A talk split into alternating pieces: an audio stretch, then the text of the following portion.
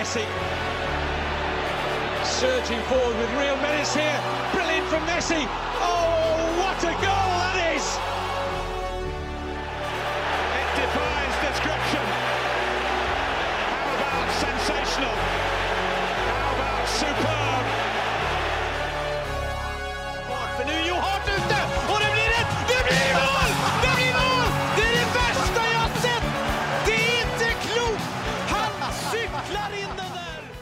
God dag, god dag, og velkommen til episode 166 av den samvittighetsfulle fotballpodkasten 90 minutter. eh, Som vanlig i eh, studio her eh, på Slattum bruk, sammen med Mats Granvold og Søren Døpker. Hallo, hallo. Hallo. God dag! Deilig å være tilbake igjen. Det har vært lenge, vært lenge nå. Ja, Det var kaldt her i dag. ja deilig. Deilig. Ja, jeg synes det er Ja, liksom- for det, du begynner så lavt, så du ender ikke så høyt, hvis jeg kan si det på den måten. Det, det er sant. vi, vi har jo sittet med døra oppe tidvis i sommer. Ja, altså Det er jo store svinginger. Om vinteren er det jo bikkjekaldt, og om sommeren blir det ekstremt varmt med to og en halv time og oss tre her i, i det lille studio. Men uh, likevel eh, koselig og intimt. Ja, veldig fint. Um, Det blir som regel koselig hvis det er intimt. sa brura. Uh, Mats. Hei. Eh, du skal på jakt du nå. Ja. Å, fy fader, ass. Du gleder deg? Oi, oi, oi. Blir det, blir det stas? Det blir slitsomt. Eh, Altså på en god måte. Hva skal du skyte denne gang? Det blir vel noe ekorn, da. Grevling, kanskje. Få se hva som rører seg i buskene. Ja, det blir spennende. Eller hva bikkja greier å jage fram. Det kan jo være hva som helst, det. Eh, Det, det betyr jo det at jeg og deg får bare vurdere om vi skal ta en episode neste, neste gang eller ikke. Ja, det får vi jo avklare, vi. Ja, Hvis ikke så, så, så, så blir det en ukes pause, men det bør ikke lytterne tenke på nå, for vi, i dag skal har vi fullpakka program. Deilig. Eh, hva med deg, Søren? Eh, står det bra til? Ja, alt, unnt, alt uh, unntatt fotball, uh, går det veldig bra. ja, da tung helg! Det har ikke vært den første. Jeg har nå regna på de siste ti seriekamper til mine to lag. Da var det én seier til sammen. Så, og da var det jo sånne, sånne Altså, da var det jo lag man møtte i, i Lillestrøm i Norge, møtte jo blant annet Jerv. Eh, Kristiansund, eh, Wolfsburg hadde Bremen, Schalke, Köln hjemme, så man skulle jo kanskje håpe at det blir litt mer enn én seier, da. Ja, det er litt bedre med Lillestrøm, da, for de har et forsprang nå, så de kommer ikke til å rykke Nei, altså Lillestrøm Jeg er ikke bekymra for Lillestrøm. Altså, blir jo i verste fall femteplass, tenker jeg. Så i aller verste fall, så For Wolfsburg blir det jo i verste fall 15.-plass. ja, det, det skal vi snakke om litt, da. um, hadde det vært eh, hjelp i å ha hatt en skikkelig god nier i, i Wolfsburg? Det hadde vært hjelp Altså, Matcha jo skåra nå to mot Köln. Jeg syns han var en av de veldig få som faktisk så bra ut. Ja, ja, ja. Eh, Nei, vi så- fikk et spørsmål der, skjønner du, fra Fredrik Valle Konradsen. I en annen podkast snakket de for et års tid siden om akutt niermangel. Plutselig dukka opp en haug av niere i løpet av kort tid. Hvilken type posisjon er det litt manko på nå, spør han. Snakker landslaget, eller? Nei, jeg tror han snakker generelt sett. I fotball Ja, Ja, Venstrebacker, da. ja jeg, jeg, jeg, jeg syns det var mer høyre, jeg, da. Unntatt, unntatt England, da. England har jo England har jo en høy, høyrebekker, god høyrebekker. Jo, jo, men, men, men når jeg eh, skulle se etter høyrebacker for Manchester United, Mm. så var det jo sånn eh, Du, du fant Cancelo, du fant Trent, du fant uh, Reece James. Reece James, ja. Og, og, og så etter der, så Altså, det, det var sånn stort fall, da. Ja, du tenker altså, mil- altså nivået altså bak de aller, aller beste, at det, det blir for svakt? Ja. ja. Eller litt Ja. vanskelig å være en sånn Altså, i Manchester United, da, som har lyst til å, til å erstatte Van Bissaka det, det, det, det, er, det er vanskelig i det territoriumet der, altså. Men hvor mange verdensklasse venstrebekker kan du på ramsa? Det, det, det, det, det er det. Eh, Theo Hernandez. Eh, jo, jeg er enig i at han Men han er liksom på AC Milan. Han er liksom ikke helt der oppe, liksom. Eh, Ferland Mendy. Ja, han er brukbar, han. Eh, er det lov å si Cancelo? ja, det er jo det. Ja. Men det er jo, poenget, poenget mitt er at vi greide å ramse, ramse opp tre verdensklasse høyrebacker sånn kjapt. Ja. Mens på venstresida så er det ikke like lett å bare finne Nei, men det er flere veldig gode, da, i hvert fall. Ja, Gåsens Raum Ja, ja. Eh, Det, det, det, er, det er ganske mange av dem. Ja, men det Eh, Alfonso, Alfonso ikke. Davies. Nei, nei, nei. De, er- Helt de, der oppe nei, nei, de er. Arnold og James. De er ikke det, men de er jo akkurat i det Hvis, hvis United hadde jakta en venstreback, hadde det vært lettere for dem å finne en som De har jo kjøpt Malaysia. Jo, jo. Nei, men eh, en eller annen form for bekk, i hvert fall, da, kanskje. Ja, men, men sånn klassisk tier, da? Sånn falsk nier. Falsk nier. Ja, altså, du har jo Xavi Simmons begynner å komme seg i den rollen, da. Uh, Mos- Jo, men han har ikke slått gjennom ennå. Vi kan ikke Nei, si nei, det. nei. Uh, Musiala er jo en spiller som fint kan brukes i Men den han rollen. brukes ikke i den rollen. Nei, men han kan. Uh, Ja, ja. Det samme gjelder jo Thomas Mulle, han kan også brukes i den rollen. Pedro Gonsalves. Ja, men men poeng, poenget mitt da, er jo det at hva du mener. Liverpool spiller ikke med det. Det, altså, de, det, er, det er en utdøende Ja, men posisjon. jeg, jeg tenker jo også det skyldes jo litt hvordan fotballen har utvikla ja, seg. mener det det, det, blir jo, ja, det blir jo mer kollektivt og mindre individuelt. du, du får liksom på en måte ikke plass til den der reine tieren, for han vil ha andre oppgaver også. ja. Ja. Ja. Nei, for all del, men eh, ja. Og Nei, Libro, da. Altså, Ja, men-. Jeg vet ikke, jeg kan dere mange av dem, eller? Ja, Den posisjonen er jo avskaffa. Lothar Matheus. eh, Frans Beckenbauer. Merkelig at dere kom på to tyske der. Jeg synes Det var veldig Det var vel tyskerne som var de siste å avskaffe den posisjonen også. nydelig, nydelig. Um, nei, skal vi bare sette i gang med programmet? Vi skal vel se noe Champions League hele gjengen i kveld, så. Ja. Skal Wolfsburg spille der? Nå, den, den var stygg. Ja, den var ufin. Sorry, søren. Nei, det går fint. Vi kjører intro.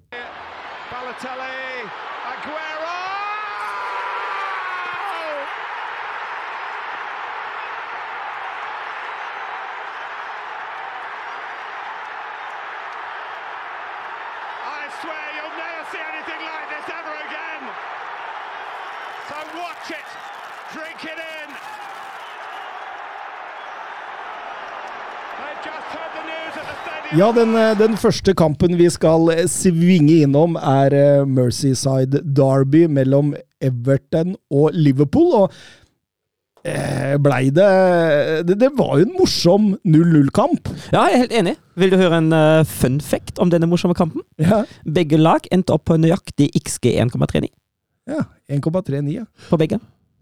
Men Pickford han bestemmer seg veldig ofte i Mercyside-derbyene at uh, i dag så kommer det ingen baller forbi. Ja. I dag stenger vi. I dag stenger vi buret, rett og slett. Mm. Jeg syns han ofte står fram i Mercyside-derbyene. Ja, men det, det, dette var jo en kamp Først og fremst eh, hvor de to keepera fikk lov å skinne.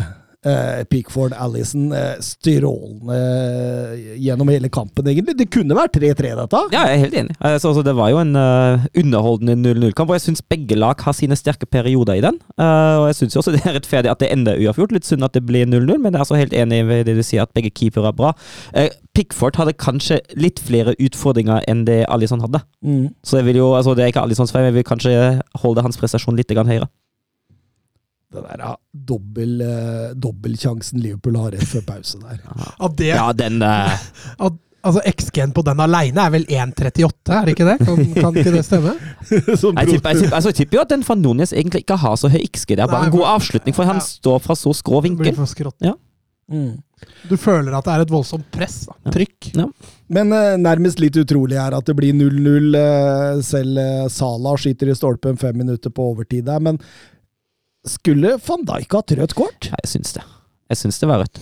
Når du ser det i live, så ser det ikke så grusomt ut, men når du får det i, i reprise, så ser det jo forferdelig ut, egentlig. Og det er jo spillere som har blitt utvist for noe lignende. Jeg, Eller jeg, til og tenker jo det at når VAR går inn og tar Ødegaard sin der, eh, så, så er jo denne hakket opp, men ja da. Ja. Uh, så Ja, hvis, hvis, hvis, hvis dere husker den uh, Max Meyer Crystal Pelles mot Aubameyang Mm. Det var litt sånn, Jeg syns det er litt sånn i samme gate. Ja, ja, for all del. For all del. Ehm, et par talking point fra denne kampen. Sala. Hva er det han rører med nå? jeg tenker på form. Ja, ja. Isolerer seg ofte langt ut til høyre der og Altså, jeg, han, har vært, han har vært på nedadgående helt siden Afrikamesterskapet. Eh, det er nok et, en turnering som satte litt støkk inn, tror jeg. At det, det var rett og slett ikke hans tur. Etter det så har det bare sakte, men sikkert gått nedover med Sala. Eh, han, han, han mangler jo selvtillit, det, er ikke vanskelig å se. Han, ikke, det er ikke den samme stinget i Salan. Det dra seg innover, dra av to-tre mann, være, skyte når du kanskje bør spille.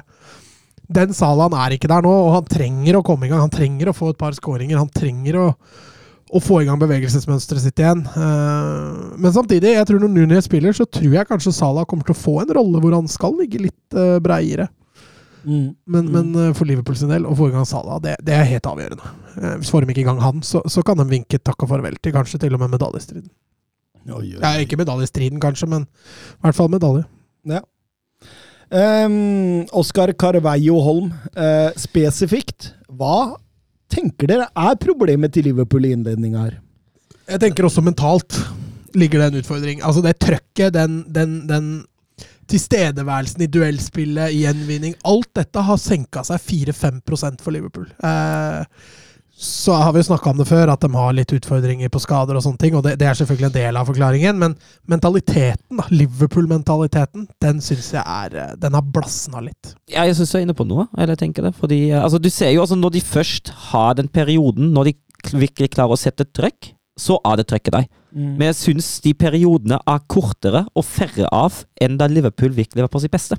Og det tyder jo på at det du sier, Mats, med mentalt, at det, det er nok noe der det ligger. Ettertrykket der, ja. Den der, ja, det er jeg litt enig i, for jeg, jeg tenkte på det under Everton-kampen. at det, det er veldig sjelden man ser stoppere sånn 10-15 meter inne på motstanderens banehalvdel nå, sånn som man gjorde når det var, på en måte var på det beste. Så, så for så vidt eh, helt enig med dere. Um, over til et annet lag som sliter. Chelsea de vant riktignok 2-1 over Westham, men de gikk på en grusom smell i eh, Champions League i går. Um, ja, vi kan, vi kan, jo først ta Premier League-kampen der. Jeg er vel kanskje heldig som uh, får med seg alle tre poengene her? Ja, jeg syns det. Uh, både med tanke på hvordan kampen har vært. Altså Første omgang var jo jeg bare et eneste stort gjesp. den kan man fint hoppe over. Altså med tanke på hvordan kampbildet har vært. Jeg syns jo ikke altså Chelsea styrer Chelsea av det dominerende laget. De styrer jo possession, men Westham på ja, corner ja, og, ja. og dødball og kontringer, så, så har, de, har, de ikke kontroll. Altså. Uh, skuffende. Men uh, denne, den headinga i stolpen her uh, på slutten Altså, det, altså, du, du, altså, spiller du Premier League, uansett om du er materialforvalter, så skal du score på den. Ja. men uh, annulleringa til Cornea? Ja, jeg syns den er, altså, er clear and obvious. Det er jo ikke det. Den er ikke det. det er akkurat det. Altså, jeg tenker at det er jo først og fremst en altså, Han er borte med foten i armen, den er grei, men det er jo først og fremst en kollisjon. Da han ikke rekker å hoppe over Mondi helt. Jeg syns ikke den er clean obvious. Altså, hvis han bestemmer seg for å blåse der og der, fine. Uh, men jeg syns ikke det er en situasjon der hva trenger å gå inn og annullere. Men har, ikke, har det ikke tatt helt av i England nå? Ja, jo. VAR-greiene? Det er clear and obvious er blitt borte. Ja, den er blitt borte, og den skulle jo på en måte bli forsterka. Ja. Altså, det var jo klart møte eh, før sesongen med alle klubbene om at eh, nå skal vi liksom, nå, nå legger vi bort silkehanskene. Mm. Nå, nå, skal man på en måte heve lista litt for hva man skal gå inn på. da. Og så kommer ja, denne situasjonen. Du hadde jo, du hadde jo en i, i, i uh, Ødegaard Eriksen. Ja, ja. Og du har flere, egentlig. Du sitter og Er, den, er det egentlig clear and obvious eh, vi ser på nå? Mm. Så det, nei, det er veldig, veldig rart, altså. Men, eh, men det men største jeg, jeg, synes, ja, Vi kan ta det, kanskje. Jeg syns det ødelegger. Veldig. Ja, ja. for all del. For all del. Eh, men det største som har skjedd i dag, da, det er jo at Thomas Tuchel har fått sparken. Klubbdrift. Oi, oi, oi. Jeg var overrasket. Jeg ble overraska. Ja, jeg ble overraska sjøl, for dette er det første sånn skikkelige liksom, down han ja, har i klubben. Og så har de kjøpt inn så mye tull og ball. Og så får han altså fire dager etter overgangsvinduet er stengt, og så har du fyken, liksom. Veldig, veldig merkelig. Veldig, veldig merkelig. Men, men samtidig så, så, så, spekuleres det i at han har kommet på kant med både eiere, spillere og alt. Og, det, og det, det, er jo det, Vi var jo inne på det litt i forrige episode, at det er litt sånn rundt den tida her nå det har pleid å skje i alle de andre klubbene han har vært i. Så det er jo kanskje ikke så overraskende. Og, Veldig morsomt at vi nevnte det i forrige episode. Ja. Og, Hva var det vi nevnte? At uh, det er rundt på denne tida her han har uh, begynt å få uenigheter i, i, i, Dortmund, i PSG, og at det har gått gærent. Ja. Og så skjer det igjen. Bare en uke etterpå. Ja, vi meldte det først. 90 altså, minutter, ja, ja. 90 minutter erfarer! Skal vi begynne med det? 90 minutter erfarer. Det har blitt er ikke det populært. veldig populært? Da? 90 minutter erfarer. Men, men um, Bjørn Erik Skorge skriver til oss på Twitter her uh, er det noe overraskende at Tuchel har havnet på kant med flere spillere pluss nye eiere. Var det, det, var vel bare en ventet katastrofe, skriver han. Eh, pluss spillemessig, kalenderåret 2022 har vært langt under pari. Hva tror dere eventuelt om Potter, eller er det noen andre spennende? Altså, Vi er jo ikke overraska. Altså, vi, vi var overraska på tidspunktet, ja, men, men, at det skulle skje nå, liksom. Ja, men vi var, jo, vi var, jo, inne på det da han ble ansatt, og vi sa jo vi var jo inne på om han hadde lært noe om han eh, klarte å, for en gangs skyld ikke surne helt til å krangle med absolutt alle andre mennesker som finnes i den klubben. Og Mm. svaret ble jo da kanskje nei. Men, men, men Chelsea nå virker jo litt ødelagt. Altså Det de har kjøpt nå, altså Aubameyang eh, De har kjøpt spillere på posisjoner de ikke trenger nødvendigvis. eh, Nå, nå, nå har Det- de jobba altså, mot et sånt Trebekk-system. Ja. Kanskje kommer en, en manager inn nå, som har kjører fire bak. ja, for eksempel Plutselig så trengte man ikke å, å, å, å bøtte disse pengene ut for nå. Nei, og, og, men uansett, da, det er vel Potter og Rogers som har vært eh, heftigst linka, er det det? Og Porcetino ligger høyt. Litt. Ja. Zidane eh, Zidane tror jeg ikke hadde turt inn der. Nei, tror ikke jeg. Nei, altså Potter syns jeg er utrolig spennende. For jeg, jeg mener egentlig at han er moden for å ta over en større klubb. Uh, Kjipt og for Brighton, da. Fire kamper Ja. inn og ligger helt i samt, toppen. og- samtidig er jo den Chelsea-troppen nå, som du har vært inne på, Mats, at det er jo noe av det vanskeligste han kan overta òg. At det er så urytmisk, Ja, den troppen der. Det er akkurat det. Altså, det, jo, det, det ene er jo å ta over et lag i krise og snu det. Det, det er det ene, men det å jobbe med en tropp som har mista kvalitet, som har satt sammen på den måten der, det, det Jo, kan jo. bli litt vrient. Men, men, men, men samtidig, hvis Potter kommer fra Brighton og kommer inn i dette laget her Altså, altså det er McAllister eh, og, og, og, og det, det, det er jo altså det, det er jo ikke noe Shilwell, noe Reece James, noe, noe Mason Mount altså Det er masse å jobbe med her. Jo, jo, jo. Ja. Jo, men troppen er litt urytmisk. Det er på, altså, sammensett, Troppsammensetninga er litt urytmisk. Ja, det er jo klart, men det har vi Eh, jo altså, snakka om siden i Ja, altså Det blir jo som Erik Ten Hag kommer inn i United og skal spille en helt annen fotball. Har ikke materialene til det. ikke sant? Og, og Potter, som er jo ganske fleksibel manager, da. Jeg tror han kan håndtere det veldig bra. Eh, og så må han jo Altså, Chelsea er jo kjent for å tygge managere. Eh, Og spytter dem ut igjen. ja, Potter uh, blir jo nilda opp for det, men, men jeg håper at de tør å satse Potter, og jeg håper de gir ham litt tid. Det har vært gøy. Det hadde vært dritfett. Mm. Jeg maste jo om han til Tottenham, men uh, jeg ble ikke hørt.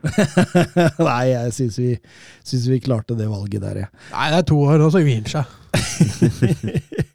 Men, men eh, Jørgen Nystuen, først så skrev en eh, Først så skrev han en, et Twitter-spørsmål om hva, ville det, hva, hva hadde dere gjort hvis dere var Tuchel? Tatt en ferie nå, altså. Og så kom det et spørsmål en time etterpå. Hva hadde dere gjort om dere tok over for Tuchel? Ja, Han skrev spørsmålet først, før han fikk sparken. Ja, og etter eh, så fikk vi en ny. Men, men, men, men hva er man hadde gjort hvis du kommet inn der nå? Nei, det er, eh, det, det er en byggeplass. De mangler fortsatt en nier. eh, De mangler fortsatt en spiss. Eh, Sånn tanke på formasjonsendring, så veit jeg ikke om jeg hadde, hadde gjort det helt store forandringene. Eh, Men, men, men spillestilsmessig så tror jeg Chelsea, med det materialet de har, er kanskje best skapt til å spille mer etablert angrepsfotball. Eh, og da kan en formasjonsendring være lurt. Eh, en, tre- en fembekslinje med possession-orientert fotball er ikke like enkelt. Så er han, enig i det. Ja, det handler litt om Altså litt om selvtillit òg, da. Nå er Chelsea down, altså, liksom. Et, men- men- et miljøskifte kan være bra. Altså. Jeg føler, altså proble Problemet er jo først og fremst at de, de kommer seg jo ikke helt inn i boks og klarer ikke å etablere seg inn der. Altså, med mangler mye jo possession. nier. Ja, ja, det er akkurat det. Og Aubameyang har vært inne på det òg. Ikke den nieren de trenger Men kan de ikke rendykke Armando Brocha, da? Gjort det bra når han har kommet inn, han?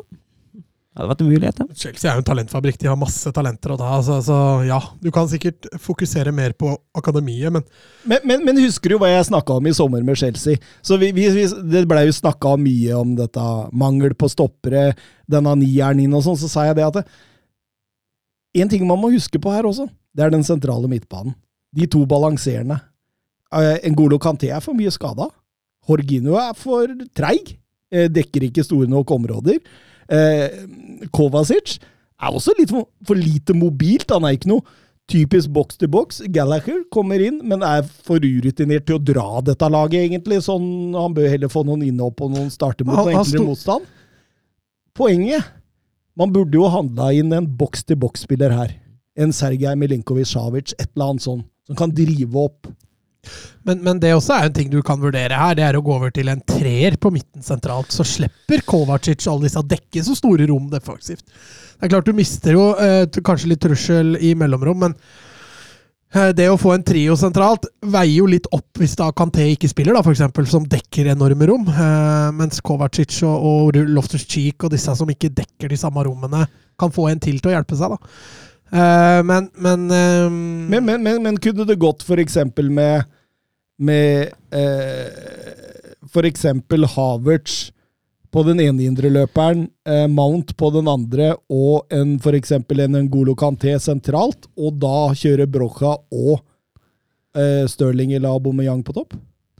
Altså, it... Da må du ha to kanter som er veldig disiplinerte defensivt. da. Ja, men det har du jo i, i Shilwell og, og Reece James. Ja, nå, nå skal Jeg du snakker, jeg snakker 3-5-2. ja, Du er fem, fortsatt på fembackslinje, du. Ja, ja 3-5-2. Eh, ja, nei, det tror jeg ikke jeg faktisk hadde gjort. Jeg tror jeg hadde mista forbudt balanse. Da tror jeg jeg ville hatt uh, Greit nok å ha Havertz eller Mount som en indre løper, men da skulle jeg hatt enten Kovacic eller Loftus Cheek med litt mer eh, defensive fibre.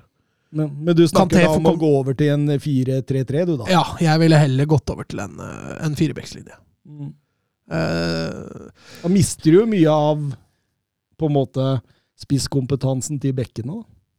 Jo, men du kan fortsatt fi, altså Reece James og Chilwell tror jeg fortsatt ville uh, gjort det godt som Ja, altså, backer i fire. da, ja, Li- Li- altså, Liverpool har jo offensive backer og spiller i en firevektside. Så det, ja, så kan Ja, du men det tar litt tid å bygge jo, det det gjør der, det. da. det, gjør det. Jo, men Det er derfor jeg sier Potter må få tid. Potter, Potter, Ja. Potter har jo også spilt med fembackslinje, så, så han kjenner jo til systemet der, han òg. Så, så, sånn sett er det en god overgang.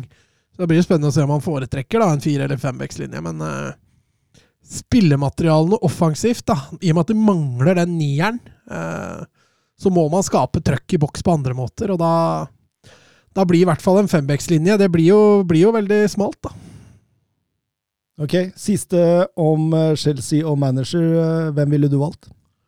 Potter. Ja, jeg er for så vidt enig. Potter han har også en utkjøpsklausul på 16 millioner pund, så det er mulig å hente. Stakkars Brighton. Ja, det er, det er litt synd. Sånn, er- sånn er fotball. ja, eh, Tottenham eh, Ja. Eh, syns- Kampen som kunne endt 4-0, men som eh, blei et lite nervepirrende Ja, men for en skåring av Fulham! Den 2-1-gålen der. Ja. Kjempesjanse til Tottenham først, og så Utrolig naivt frispilling, men de får det jaggu til, også, Mitrovic helt på slutten der. Er det den uh, Rikarlisson som har den inn, innsiden av stolpen? Ja, ja. Ja. det ja, eh, du satt og følte hele veien her, egentlig, at her har man kontroll, her har man kontroll, og så blir man nervevrak de siste åtte minuttene. Ja, altså det var jo de siste altså, eh, Man tenkte jo egentlig at 1-0 går inn, at dette, dette er jo egentlig nesten avgjort allerede, for det var jo egentlig bare Tottenham som spilte fotball. Ja, Og det var jo altså, altså sånn mot midten, slutten av, av første omgang var altså egentlig bare et spørsmål om tid før skåringen skulle komme. Ja, ja. Jeg syns de spilte strålende, egentlig. Eh, både defensivt og offensivt. Jeg syns det satt veldig godt. Og Rikarlisson, og for en fantastisk kamp han hadde. Mm. Ja, fikk en, eh, fikk en var det, var den, det var den kampen her han fikk gult kort for Ja. Ja, ja. Jeg har blitt trukket av det gule kortet nå. Av at det ikke ble, at det var gikk inn, og at det ikke ble mål. Kjenner jeg litt delt på akkurat det. Samme av det. Eh, nei, han, spiller, han, han var sikkert litt spillesugen. Må vise seg fram. Eh, gøy å se at han fikk plass til alle de fire frontspillerne sine i, i matchen. Eh, gikk jo litt på bekostning av eh, av litt de, defensiv trygghet, som du så i den frispillinga. Når det høye presset da ikke sitter, så blir det veldig åpent. altså. Jeg, sy syns også Kane, hvordan han eh, gang på gang datt inn i mellomrommet og spilte fri eh, sine kjappe kollegaer, det var, var fint, det. Altså, Kane, det han leverer nå, både liksom som falsk nier og som nier Han er liksom hele pakka. Han er fullstendig komplett spiss. Liksom, du kan bruke den til alt. Ja, kanskje ikke til sånn rein bakromsspiss, men, eh, men utover det, alt. Han, eh, han har eh, Altså, pasningene hans og måten han Ser du hvordan han kommer, møter og flikker den videre på ett touch? Både langt og kort. Mm. Det er fantastisk å se på. Ehm, Tottenham 14 poeng på de første seks, høyeste poengsummen etter seks serierunder for klubben i Premier League. Uh, likt som Pochettino 16-17-sesong. Eh, da ble de nummer to. Tror du det kan bli nummer to? Ja. Ja. Uh, med tanke på starten til Liverpool, så eh, Man må jo vente og se når de våkner, og selvfølgelig om Tottenham får en down, men sånn som det ser ut akkurat nå, så er den andreplassen ganske åpen. Petter Støvland på Twitter. eh, Thomas hyllet eh, Erik de Dyer på Golden Cockerel mandag. Bør han bli med til VM? Hva har Konto gjort med han? skal han spille med trebekslinje, så syns jeg han bør eh, vurderes Da- da er eh, er sterkt. Eh, Spiller han med firebekslinje, så, så er det litt mer hipp som happ. Men uh, ja, han i den sentrale av de tre stoppera der bør absolutt vurderes, da, i så fall. Mm. Altså, husker du, Mats, eh, du nevnte det med Conte. eh, At han nærmest kunne gjort hvem som helst av wingbacker til verdensklasse. Jeg føler det nesten er litt som med stopper òg. Se hvordan Ben Davies herjer Men, eh, på men, men det har jo noe med den tryggheten han har. Når man har et forsvarssystem, og da er det virkelig system som, eh, som fungerer, eh, det hjelper jo spillerne nå når de vet akkurat hvordan de skal forholde seg i situasjoner. Og så føler jeg det er lettere for forsvarsspillere å briljere i fembekslinja. For du har en helt annen trygghet. Vingbekkene er litt friere offensivt. Du blir ikke straffa like hardt hvis du bommer. Og stoppere, som alltid vil ha en spiller i sikring omtrent, er i hvert fall i etablert forsvar. Eh, Så formasjon og, og inngang til kamper er helt klart en viktig bit for å få det defensive til å, til å sitte. Synes til og med Lenglet så bra ut. Jeg, sa jeg ikke det? At det, det skulle ikke forundre meg om han, eh, du, du gjorde det. om han får det til der, men eh, det er helt greit. Han får jo ikke til i Barca, så da er det greit at han får det til et annet sted. Aston Villa, Manchester City 1-1. Erling Braut Haaland på, på skåringslista igjen, men uh, Leon Bailey han uh, sørga for poengdeling, han søren. Ja, han uh, spolerte festen som City hadde planlagt, og det er jo, det er jo først og fremst sjansesløseri til City eh, som må ta skylden for det her, for de hadde flere enn nok muligheter til å lede 2-0. Eh, Riktignok litt daff i første omgang, eh, men i andre omgang blir det klart bedre, og etter skåringen til, til Haaland hadde City en ordentlig god periode. Mm. Mm, absolutt. Eh, eh, det ser jo hele tida ut som City har en slags kontroll, men så, men så, så glipper det der ved et par anledninger også. Det, det kunne jo faktisk vært mål til Coutinho. Ja, der òg? ja, ja altså den, han blåser for tidlig, og så blåser han jo først skuddet går. Men du ser jo i det de blåser, så er det sånn, gidder jo ikke å gjøre noe engang. Mm. Han, eh, det er spørs om den hadde gått inn. Jeg, jeg, jeg, jeg syns kanskje han som på en måte hadde gått i blokka der, også ga opp. Ja. Mm, ja. Men, men, men samtidig, eh, Villa jeg, jeg trodde ikke Villa skulle klare å, å, å, å, å komme, komme fra dette med poeng, altså. Villa har ikke sett imponerende ut, altså. Jeg er skuffa over Villa. Ja. Generelt i sesongen, ikke bare her, da, men generelt i sesongåpninga. Men, men jeg, jeg satt og tenkte underveis i denne kampen, altså, altså fram til Haalands 0-1-skåring, det, det, det blir litt sånn hvordan åpne kong Salomons hvelv? Fins det en nøkkel, eller må det magi til? Det er, vi er litt der, altså. Ja, men altså, Kevin De Bruyne i den kampen der, han var jo fremragende. Og det er jo egentlig De Bruynes magi også som, som var nøkkelen. Ja, ja. Og han var jo relativt god mot Sevilla i går òg. Ja da, Det Bryne er bra. Det Bryne er bra. Eller Det Bryne. Ja. Det Bryne. De Bruyne. Um, Young Afro på Twitter, diskuter uh, Haaland-Mbappe-debatten. Uh, deres tanker om hvem som er best, og hvem som vil bli best. Hvem som er best fotballspiller og hvem blir best fotballspiller, det er Mbappe. Liten tvil, egentlig. Ja, Men, sånn eh, fotball. yes. Ja. Men Mbappe har mye mer Ikke mye. Mbappé har mer fotball i seg enn det Haaland har, men Haaland har Altså, Haaland kommer til å skåre mange flere mål enn Mbappé. Ja. Men altså, er det noe hvis du ser, hvis du ser på mindsetet til spillerne Altså, Haaland har et kroppsspråk når det ikke går, som ikke er helt bra heller, for all del. Men hvis vi ser det hvordan Mbappe oppfører seg, oppfører seg på banen i noen situasjoner, og Haaland har jo en vinnerskalle ut av dimensjoner. Han, han vil vinne hele tida. Og han kan bli sur når han ikke får en passing, og det er greit. Og han kan, han kan ha et kroppsspråk som ikke er sånn helt positivt når ting bytter ham litt imot, og det, det er greit. Men jeg føler at han mentalt kanskje har kommet litt lenger enn Mbappe, da. Ja. Ja, og det faktum at Mbappe valgte å bli i PSG, da, altså den femte beste ligaen, Mm. kommer aldri til å bli anerkjent 100% sånn som Haaland gjør når han herjer i Premier League. Nei, det, det, det, det er jeg for så vidt eh, helt enig med deg i. Og, og Alex Bjørkan er også litt inne på det på Twitter. Han sier eh, hvor mye har det å si at eh, Haaland banker inn mål og hat tricks for det beste laget i den mest populære ligaen, mens de fleste bryr seg ikke om Mbapp- Mbappe før det blir sluttspill i Champions League. Det har jo mye å si.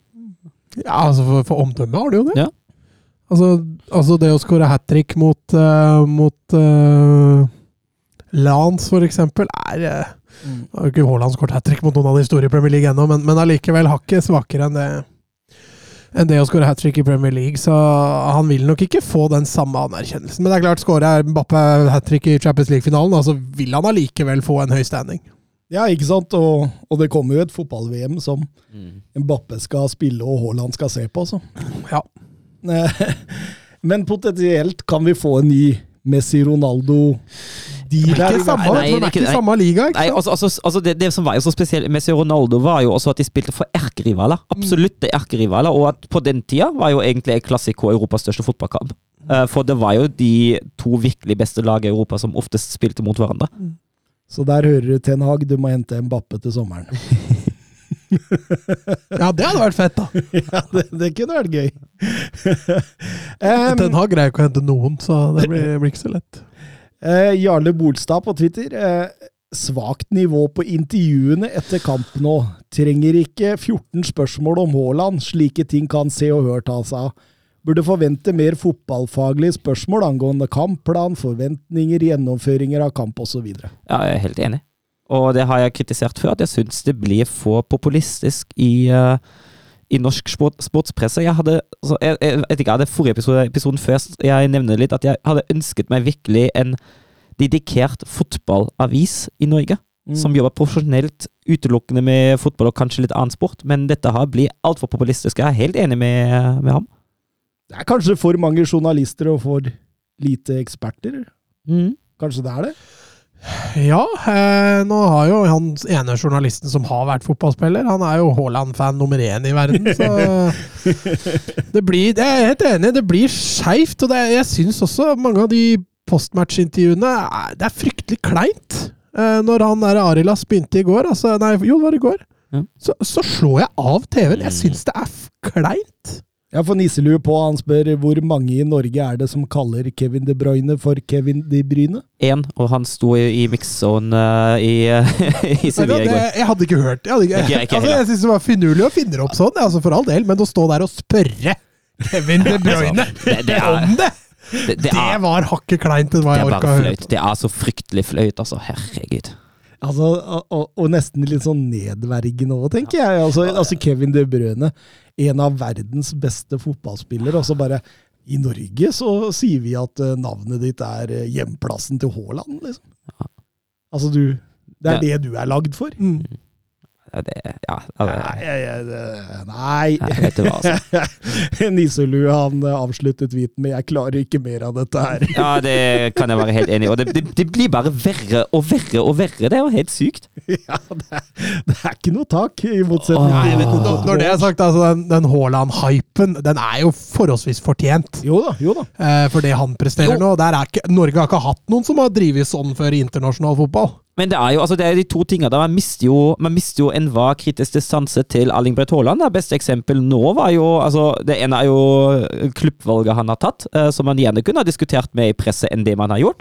Eh, det andre er jo eh, den situasjonen mot Christer Pelle som eh, blir ikke, som ikke blir nevnt, da. Eh, Ja, det, er høye, sparket. Ja, ja.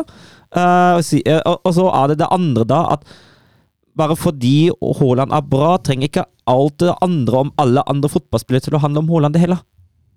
Og, og, altså, og det er liksom det som gjør meg litt sånn lei, da. Det er som det samme som det var med Solskjær. Alt handlet om Solskjær da Solskjær begynte i United, og nå handler alt om Haaland. Og litt mer objektivitet, da. Husker jeg var lei i Solskjær-praten. Altså. Ah, ah. Jeg har ikke klart å bli like lei Haaland-praten enda, men eh, det kommer nok hvis det Ja, fortsetter. møter sånn ikke. Tottenham City det helga? Jo. Et Haaland hat trick der, så er du Står Jan Åge Fjørtoft der og intervjuer Haaland og spør hvor lett det er å spille mot Tottenham, så blir du lei. vet du. ja, det Eh, Manchester United-Arsenal, det var en kamp på søndag, og eh, en fantastisk fotballkamp. Eh, massevis av sjanser. Massevis av Altså, spillet bølger litt fram og tilbake i store deler av kampen. Ja, jeg er enig. Jeg, jeg syns jo Arsenal til syvende og sist uh, altså, blir kanskje slått litt under ved de der, uh, med tanke på hvordan kampen var. Men samtidig, altså Når kontringssikringa er så dårlig som den er Altså, jeg syns United starter best. Altså, de, de går litt ut sånn som de gjorde mot Liverpool, og skal ta kontroll. Jeg syns Arsenal parerer det veldig bra i måten de spiller plutselig veldig effektiv fotball på. Det skal gå hurtig fram. Og så kan de klare å etablere angrep etterpå. Så de tar litt brodden ut av United når det har gått en viss periode. og Det, det syns jeg Arsenal håndterer veldig bra. Og da, akkurat når det begynner å skje, at Arsenal begynner å få litt kontroll, så får United skåringa si. Og den kommer liksom helt perfekt tidspunkt. Ja, Flott rulla opp der, da. Ja, ja, Ja. for all del, og bra satt, men jeg så et par videoer med Anthony og United-supportere. Var holdt bare å tråkke på ballen, så jubla jo United-supporterne. Det var fantastisk. Eh, For, ja, Han spilte jo ikke en sånn outstanding kamp, Anthony, men han blei jo hylla som han hadde gjort uh, skårte VM. ja, ja, helt klart. Um, og, og det er jo for så vidt Arsenal som er best også, fram til Mm. Sakas 1-1, og så, og så, og så slår de om igjen. Ja. Og eh, det er jo Da, litt da mener jeg altså jeg mener det skulle vært 1-1 før. Altså den Ødegaard, Ødegaard, ja, han- Ødegaard og han Eriksen. Altså, Ja. ja, det er et frispark, ja, ja. men, Nei, altså, men det, at uh, VAR går inn og tar den, mener jeg det, det er helt dust. Det er merkelig. Er Ja. merkelig. ja, og så er det jo den situasjonen der Ødegaard ikke treffer ballen. Mm. Etter hva var det, 52 minutter. Da bør han jo skåre òg. Ja, ja, for all del. Men når de ikke gjør det, så, så kontrer Manchester United dem i senk. Og jeg synes også grepene til Ten Hag etter 2-1 med Marcus Rashford der, hvor han, hvor han får inn på Fred for Sancho.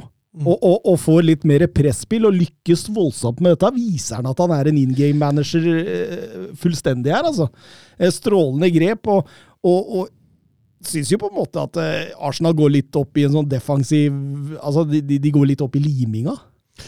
Ja, I forhold til det offensiv markering, og at de, de sender fram folk. kontra Og, ja. og det, det er liksom det vi snakker om. eh, den stabiliteten som vi, som vi ser hos Tottenham. eh, Mm. At det er den som eh, kanskje har størst spørsmålstegn med Arsenal. Ja, ja. Om de har. ja det, det er jo det som er spørsmålet, da. Mm. Spennende å, å følge med begge lag fremover nå, egentlig. Mm. Det, det, det, jeg, jeg, jeg syns det kan slå litt ut begge veier. På begge. Ja, altså Det er fortsatt litt skjørt, dette United-laget. altså de, de kan fort gå på noen smeller, dette. eh, Men, men dette har vært store steg i riktig retning. altså. Det Ten Hag driver med nå. Eh, Både den mentaliteten som plutselig har blitt snudd helt om. Altså, den der eh, litt fandenivoldskheten United går ut i kampene med nå, det er noe helt annet enn det ja, og så ser, du- og så ser du til og med på benken Ronaldo sitter på benken og jubler for lagkameratene. Mm. Altså, ja. Så, så spørs det jo hvor mye spill for galleriet det er. Jo, jo. Men altså, hvis, hvis, du, hvis du husker Ragnhild da han ble bytta ut mot hva var det, Brentford eller noe sånt, da orka de ikke engang spille for galleriet.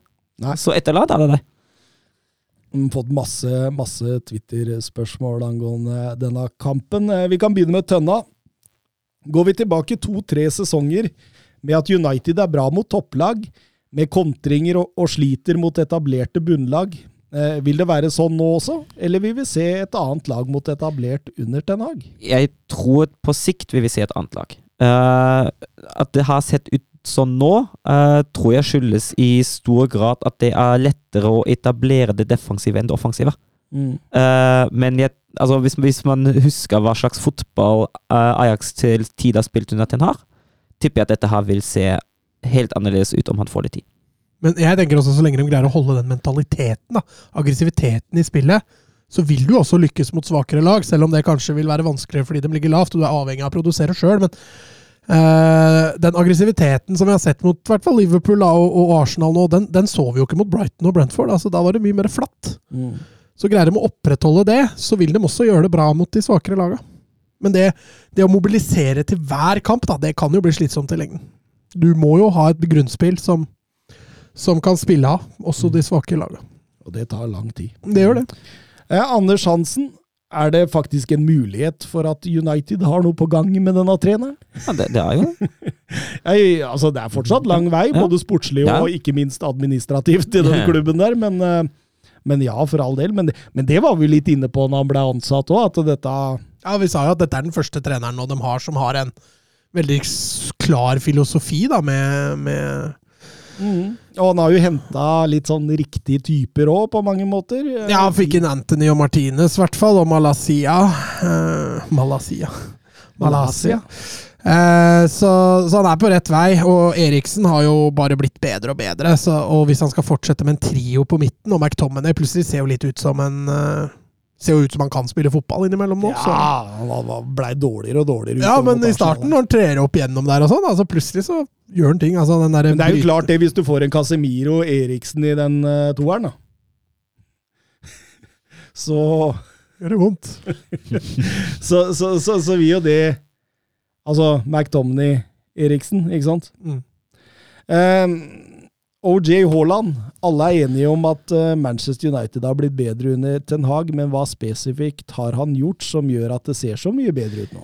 Jeg syns den link-upen med Eriksen og Fernandes, eh, den, den eh, Slå baller rett igjennom Yes, pressledd. det at de får først vinkel inn på enten Eriksen eller Fernandes, som kan slå den rett igjennom til, til da den motsatte indreløperen, vært veldig suksessfaktor for, for både etablert, men først og fremst i kontringsfasen. Ja, altså posisjoneringsspillet, da, tenker jeg. Eh, hvordan de posisjonerer seg mellom linjene nå. Det ser jo, ser jo fint ut, jo. Altså, det vi har ikke sett noe sånt på lang, lang tid i United, egentlig. Også, også selvtilliten til Rashford. Mm. Nå spiller han med brystkassa fram igjen. Ja. Han er alltid på løp. Han vil alltid ha ball. Han prøver å dra fire mann, selv om han ikke klarer det, så prøver han hver gang. Ja, og, og, og på den andre enden syns jeg jo at han har virkelig klart å, def å stabilisere defensivet òg. Jeg syns det ser bedre ut defensivt nå. Ja, det, det hjalp jo med å få ut av Maguire. Så du når han kom inn nå, eller? Ja! Holdt på å bli mål med en gang. Så ikke ut som han hadde spilt fotball. Så, så, du, så du det var, en, eh, var en, en på Twitter som tok bilde da han ble bytta inn og sa nå må vi avbryte kampen. Hadde en supporter med drakt som har kommet seg på, på matta. Men det er jo klart det sikkert også, at han, han har jo gjort noen grep i elveren der. En Van Bissaka ut, uh, Maguire ut, Ronaldo. At han får lov å sitte på benken fra start Ja, og heller komme inn. Og så starter han ikke med både McTominay og Fred. Nei. Han nøyer seg med én. Ja. Og det tenker jeg er et uh, Så han har liksom begynt å gjøre grep. Da. Så vi har sagt det hele tida at Maguire, Mac, McFred og, og Ronaldo er, og Van Bissaka er utfordringer. Mm. Mm. Og det har han begynt å løse med, med, å, med å tørre å vrake dem. Eh, Chris Berba på Twitter, for øvrig en veldig fin eh, fyr. En, eh, et klokt fotballhode, men en svoren eh, Manchester United-supporter. Eh, liten høne å plukke med Thomas Edvardsen, skriver han. Enig i at Manchester United ikke er på City-nivå, men milevis unna, refererer forrige episode. Nei, nei, nei, nei. De skal nok klare topp fire, er jeg ganske sikker på. ja, ok, ok. Eh, selv etter Arsenal-kampen så mener jo jeg bestemt at Manchester United er milevis unna Manchester City. Eh, forklaringen eh, Det skal være en enkel sak å få en sånn spillergruppe til å prestere vesentlig mye bedre, og da, da skal jeg ikke ta noe bort fra Ten Hag der, for altså når jeg sier enkelt, så er det Arn Førselstein. Altså Det er det enkleste du på en måte kan gjøre. En spillergruppe, en veldig i utgangspunktet veldig god spillergruppe, eh, som har prestert dårlig over tid. Ok, hvordan skal du kunne snu dette her? Det holder bare som regel med et managerbytte og litt friske tanker inn, så, så snu mye. Em, så, så som sagt, jeg tar ikke bort noe fra, fra Ten Hag her, som ser ut som gjør en uh, veldig solid jobb, for all del. Uh, men å ta steget opp til Manchester City det, det, det tar lengre tid. og, og det tar, koster mye. Man må ha spillertyper, konstellasjoner, innarbeida offensive angrepsmønstre, man må ha dynamikk, relasjoner som skapes over tid, ikke sant? Eh, dette tar tid, eh, voldsomt lang tid, og, og, og det er ikke alle managere engang som har dette i seg. Eh, eh, eksempel Mourinho Allegri, på en måte, som, som, eh, som liksom har litt sånn begrensa fotballfilosofi, men har spisskompetanser som de på en måte eh, setter høyt. Eh, vil tro Ten Hag nok kan ha det i seg, men at det kommer til å ta tid. og Topp fire? Jo, jo, det, det, det, for all del. Alt er mulig, men ett av de andre, eller to av de andre topp seks-laga, må svikte hvis det skal bli topp fire. Men uh, milevis unna, hvor mange poeng mener du da City slår United med til slutt? Sånn cirka. Minst 15. Minst 15. Og det er milevis. Ja, det er det jo. Det er jo fem seire. Ja, jeg, jeg vil si det. jeg- jeg Jeg vil si det. Ja. Så fem seire kontra fem tap, det er milevis. Og, og, og jeg- ser jo ikke hvordan Manchester United Altså, de, de, de, må, de, må De er totalt avhengig av at noen andre av de topplagene skal svikte. Eh, hvis sånn som det er nå, Chelsea svikter, Liverpool svikter, kanskje Tottenham eller han svikter, ok, da har de kjangs. Mm. Men altså, hvis alle de lagene spiller på et relativt høyt toppnivå gjennom sesongen, så har ikke United kjangs dette året. Ikke kjangs i verden. Um, Steffen Hansen eh, har fulgt diskusjonen deres rundt Arsenal med interesse. Thomas sa en gang at når Arsenal møter motstand, vil svakhetene bli klarere. Står disse ordene seg etter Manchester United-kampen, eller kunne Arsenal like godt vunnet her? Og hvor ligger svakhetene til Arsenal? Jeg syns ordene sto seg, selv om jeg også er enig i at Arsenal like godt kunne vunnet. Eh, men vi ser jo på resultatet og hvordan kampen til slutt ble. at eh, Jeg, jeg syns eh, Du var inne på noe da, Thomas. Jeg syns jo den ene svakheten Vi har vært litt inne på det. Det er litt sånn fravær av den soliditeten, eller spørsmålstegn rundt den soliditeten. Mot United hadde de på ingen måte det. At man at man jakter en seier, men selv om det ikke går, da rir man inn 1-1, på en måte, da. Eh, og det er jo en soloklass styrke som Arsenal kanskje ikke har akkurat nå. Eh, I hvert fall ikke mot, uh, mot gode lag. Og så er det jo også det med, med fravær av en, av en målskårer. Ja, Jesus har vært bra så langt, uh, men jeg anser han fortsatt ikke til, til den spilleren som bøtter inn mål for Arsenal. Og så, ser du nå, når Arsenal begynner å trenge mål, bredden de har, da. Altså Enketi er det som kommer inn, og Smith Rowe kommer inn for å, for å snu dette, da. Og det er selvfølgelig gode, store talenter og, og sånne ting, men, men de har det ikke i seg i en sånn match, når allerede laget må jage så mye som de gjør, da. Nei. Og det er et svakhetstegn for, for Arsenal. Men jeg er enig med Søren. Eh, Arsenal, eh, sånn statistisk i den kampen her, er jo bedre enn United. De har mer ball, de har flere sjanser, flere avslutninger, eh, høyere XG. Altså, nei, det hadde de vel ikke. Men, men alt da, statistisk peker jo for at Arsenal har spilt en god kamp. Mm. Men United har litt mer kynisme, de ville litt mer. Og der er det Arsenal har litt å jobbe med. Og jeg tror Arsenal United på Emirates blir nok en annen match. Men Arsenal må knekke den koden ved å, å ta noen poeng mot de andre topp seks-laga borte. Mm. Og så, og så skal det jo sies det at eh, Manchester United var ikke den tøffeste oppgaven av de neste fem jeg nevnte da. De har vel både Tottenham og Liverpool inn i miksen der, samt Brentford borte, som ser voldsomt slitsomt ut å møte. Men nå ser jo ikke Liverpool ut som er det beste versjonen av seg sjøl for tiden, da. Så der er det jo kanskje ikke så tøft allikevel. Ja, jeg tror de skal jobbe hardt for å få tre poeng mot Liverpool. Er det på Emirates eller er det på Anfield? Jeg husker jeg ikke. Ja ja, de må jobbe tøft for uansett. det er jeg helt enig i, men eh, på Emirates vil jeg jo påstå de har en fair sjanse. Eh, ja. Eh, Anders Hansen på Twitter igjen. Har Lester egentlig rett til å sparke Brendan Rodgers så lenge signeringene uteblir og kvaliteten bare forsvinner ut av laget? Altså Rett til å sparke har de jo når resultatene uteblir, for all del, men det er jo, han er jo inne på noe der, altså.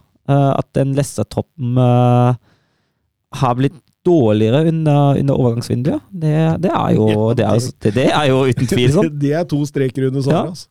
Ja, de har mista et par viktige brikker for Fana nå sist, og, og Schmeichel kaptein. Altså det, det, har vært, det har vært tunge tap. Eh, så skal det også sies at Leicester har ikke sett så veldig bra ut heller. Eh, selv om de har mista to viktige brikker, så, så har det nesten klappa litt sammen. Eh, om det har skyldes kun spillersalget nå og ikke det, eller om det skyldes at man nå har en manager som kanskje er litt lei, da, at han ikke har fått de forsterkningene, det, det er vanskelig å si. Men eh, at det kan være friskt blod inn som er svaret, det kan godt hende. Mm. Og mange år pleier Rogers å være i en klubb. Var han ikke to-tre år i Liverpool, og så var han eh, to-tre år i Celtic, og så nå har han vært tre-fire, blir det vel nå, da, i Leicester. Så det kan hende at det tar en Tuchel og går når det er sin tid. Mm. Jeg føler i hvert fall at Leicester har jo full rett til å gjøre det, men jeg er jo enig i at han har ikke fått de beste arbeidsforholdene denne sesongen, Rogers. Det er ingen tvil om. Nei, og det, det er jo bare et år sia man liksom så at eh, ja, kanskje dette er Tottenhams neste trener. Nei, nei det, han vil vi ikke miste, liksom, Leicester. Og så, så, så det svinger fort i fotball. Ja, fotball er ferskvare. Eh, Bjørn Erik Skorge på Twitter, hva tenker dere om Diego Costa til Wolverhampton? Ja, det, det er bra reaksjon du hadde der. Er Litt latter-emoji. Mm. Var veldig uheldig med Kaladzic Ja, eh, sin den, skade der, da. Den er synd. Den er, den er ordentlig synd. Det var en spiller som eh, jeg var veldig spent på hvordan han skulle gjøre det i Premier League, og som jeg hadde litt tro på. Og nå er det vel, er vel andre gang uh, på forholdsvis kort tid at han ryker korsbåndet nå. Ja. Uh, fryktelig synd. 34 år i oktober. Diego Costa har ikke spilt fotball siden desember i fjor. Det kan vel ikke Kan vel ikke være noe, dette, Mats? Nei, det Nei, jeg skal ikke si noe, men uh, han uh, Jeg blir veldig overraska hvis han kommer inn der og snur, snur dette på Wolves. Altså. Eh, ja. Nei, vi går over til La Liga. Assistència de Xavi més que a la dreta per Messi, Messi, Messi, Messi, Messi, Messi, Messi, Messi, immens Messi, encara Messi, encara Messi, encara Messi, encara Messi, encara Messi, encara Messi, encara Messi, encara Messi, encara Messi, encara Messi, encara Messi, encara Messi, gol, gol, gol, gol, gol, gol, gol, gol, gol, gol, gol, gol, gol, gol, gol, gol, gol, gol, gol, Real Madrid mot Real Betis og Toppoppgjør? Ja, ja, for all del. Og, og eh, litt morsomt, liksom. Jeg, tenkte veldig at her kan poengtapet komme for Real Madrid, tenkte jeg sånn før. Ja, nei, jeg hadde ikke feelingen av det. Selv om det blei en heidundrende start på matchen, så så roa det seg litt ned, men jeg, jeg, må si jeg er imponert over Betis. Jeg føler de, de er veldig med i matchen egentlig hele veien. Eh, og, og, selv om de kanskje ikke skaper de helt store sjansene med jevne mellomrom, så, så, er de hele tiden litt farlig frampå. Og det er litt skummelt med Real Madrid, med den kontringsstyrken de har i laget, så, så får de det litt som de vil allikevel, Real Madrid. og da Altså, De har et par spillere som er i kanonform, eh, og som, som bikker dette. Nå ble jo Benzema skada i går, da. Det blir jo en kjempeblow for dem, men eh. Jeg syns jo seieren til Real er fortjent. Ja, ja, ja, ja, jeg bare sier at Betis altså, var Periodevis så er dette noe av det bedre jeg har sett Real Madrid på veldig veldig lenge. I hvert Mm. fall i La Liga. mm. Jeg synes, uh, Utover i annen omgang der, så syns jeg altså da, da, da henger Betis eh, rett og slett i tauene der, altså. Og, og, Men det er de tempoene, spesielt på kantene. Det går så fort, vet du. mm, Jeg syns Rodrigo er strålende. Ja, ja, han er, men det var litt enig med neste poenget mitt, at eh, nå har de fått inn en på høyrekanten der òg, som, eh, som ser bra ut. Mm.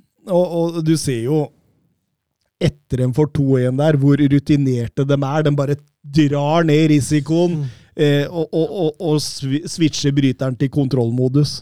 Det, det, det, altså, det laget her er, det, det, det er livsfarlig, altså. Fordi det, det Ja, Vi får se nå med Benzema, da. Hvordan, for den skaden så ikke bra ut når du får en vridning i kneet der, men Uh, hvor, hvor mye For han binder opp mye, og er faktisk den eneste spiss, eh, spissen de har som har en viss klasse, så ja.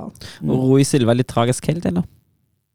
Mm, Ja, hva, hva tenker Nei, du jeg på? spiller jo en strålende kamp, hvis Ja. man ser bort fra den 2-1-skåringa som Ja. eh, Stemmer. stemmer. Jeg syns han hadde flere enorme redninger. Var vel litt uheldig Courtois på en Ja, han var nok det. Det var en uvanlig, uvanlig syn, altså. Har så lange bein, så det er ikke, ikke så lett å stokke det når ballen kommer rett under. Ja, men så Hvis man kan forsvare den litt, da. Altså, du skal ikke få den der altså, Han skal jo ikke komme til avslutning etter det innkastet der engang. Altså, det er jo slett forsvarsspiller, for all det, men eh, så han så ikke helt bra ut. Helt enig. Chouameni fortsetter å imponere, eller? Ja, Så du den avslutninga på corneren, eller? Fy faen, han er jo 30 meter opp i lufta der. Vinner 19 av 16 dueller. Man må tilbake til Sergio Ramos mot, eh, mot eh, Valencia i 2014 for å finne en Real Madrid-spiller som har vunnet flere av sine dueller i en La Liga-kamp. Tror du Real Madrid visste akkurat hva de gjorde når de slapp uh, Casemiro? Ja, dette her var Altså, eh, jeg hørte noe eh, Hva var det? Det var en spansk journalist som var og prata i et eller annet podcast-program, og han sa det at eh, Casemiro hadde sagt rett etter Champions League-triumfen, så hadde han snakka med Perez og sagt det at eh, ingen krise, jeg kan bli, men hvis dere får det, det rette tilbudet på meg, og, og, og klubben er rett for meg, så vil jeg gjerne prøve noe nytt nå. Mm. Eh, så, så det er jo åpenbart det at når ikke Mbappe kom da, at eh, ok, vi slenger Altså, alt gir mening. Mm. Alt gir mening, rett og slett. Det er jo strålende klubbdrift. Jo, men jeg syns allikevel det mangler litt bredde offensivt nå. Benzema ute, det er et blow. Eh, der har de eh, tynt, tynt å, å komme med. Eh, så det skal bli spennende å se hvordan de løser det. Men jeg er helt enig med deg. altså Den Trameni inn. Eh, han er ikke så ung allikevel at han er urutinert. Han, har, han er vel 21, så han, Pondus har han. ja, han har ordentlig pondus. Og, og spiller uten frykt og uten ris... Altså Det ser ut som han spiller totalt uten risiko. Det, nei, det er herlig å se en sånn spiller, selv om han spiller for en drittlag. Og så må, så må vi mm, sier jeg. Så, så må vi må vi innom Joaquin, da, som, som kom inn på slutten av kampen der og har nå spilt i 20 La Liga-sesonger. Ja, Eh, meldte vel før sesongen at han kom til å legge opp, og det var vel egentlig planen, men han, han valgte å ta et år til. Eh, Fantastisk. utrolig nok, og han, han holder altså gående. Eh, han begynner jo selvfølgelig å bli treig, men eh, den, altså, den, den erfaringa, rutinen, tilstedeværelsen han kommer med, det er klart, det er klart han er viktig for en treningsgruppe. Ja, ja. Eh, Så lenge han er sulten, og så lenge han vil det sjøl, så tenker jeg Betis har alt å tjene på å ha, bare ha han i troppen. Tror du han blir manager? eller? Jeg, altså, jeg er litt sånn i tvil, for når spillere blir så gamle i gamet, da eh, Så har de egentlig ikke lyst til å gi seg som spillere, på en måte. Men eh, ja, det kan fort hende at han blir en manager. Mm. Over til La Real, eller Real Sociedad mot Atletico Madrid, og det ble en pangeåpning, Søren. Det ble en pangeåpning når eh, Morata setter ballen i mål etter fem minutter. Konan ble vel slått direkte i stolpen, Mm. direkte i stolpen, og returen setter Morata etter noe svakt eh, forsvarsspill av Klassisk Sociedad. nummer ni-skåring. Ja, det er det. På, på Ja, det, det, det, er- det er som å se Haaland! Ja.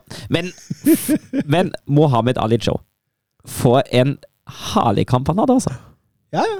Altså, vi, vi snakka jo en del om henne i sommer. Ja. Eh, artig, artig type, for all del. Eh, det er virker jo som et røverkjøp å få han for 12 millioner euro. Eh, litt av det samme som altså, Frankfurt har fått eh, Kolomani for Mm. eh, gratis, liksom. Det er, det, er, det er franske spisser her som har et tempo og en, eh, et trøkk som Ja, jeg syns han ser veldig spennende ut. Å- Å å slippe Isak for eh, 70 mill., og så kjempe han for 12, det Det, det er det er, Det er klass, business. det er business, og så har de henta Omar Sadik, eh, som har starta i hvert fall med å skåre mål, så, så det ser bra ut. Oi, der fikk jeg en overgang inn. Tikka inn. En overgang, faktisk. Ja. Gal uh, Tyrkia vet du, har lov å Ja, Icardi. Icardi har gått til Galatasaray. Yes. Mm. Artig. artig. Så Ja, han måtte jo en- gjøre noe for å spille fotball denne Ja. sesongen.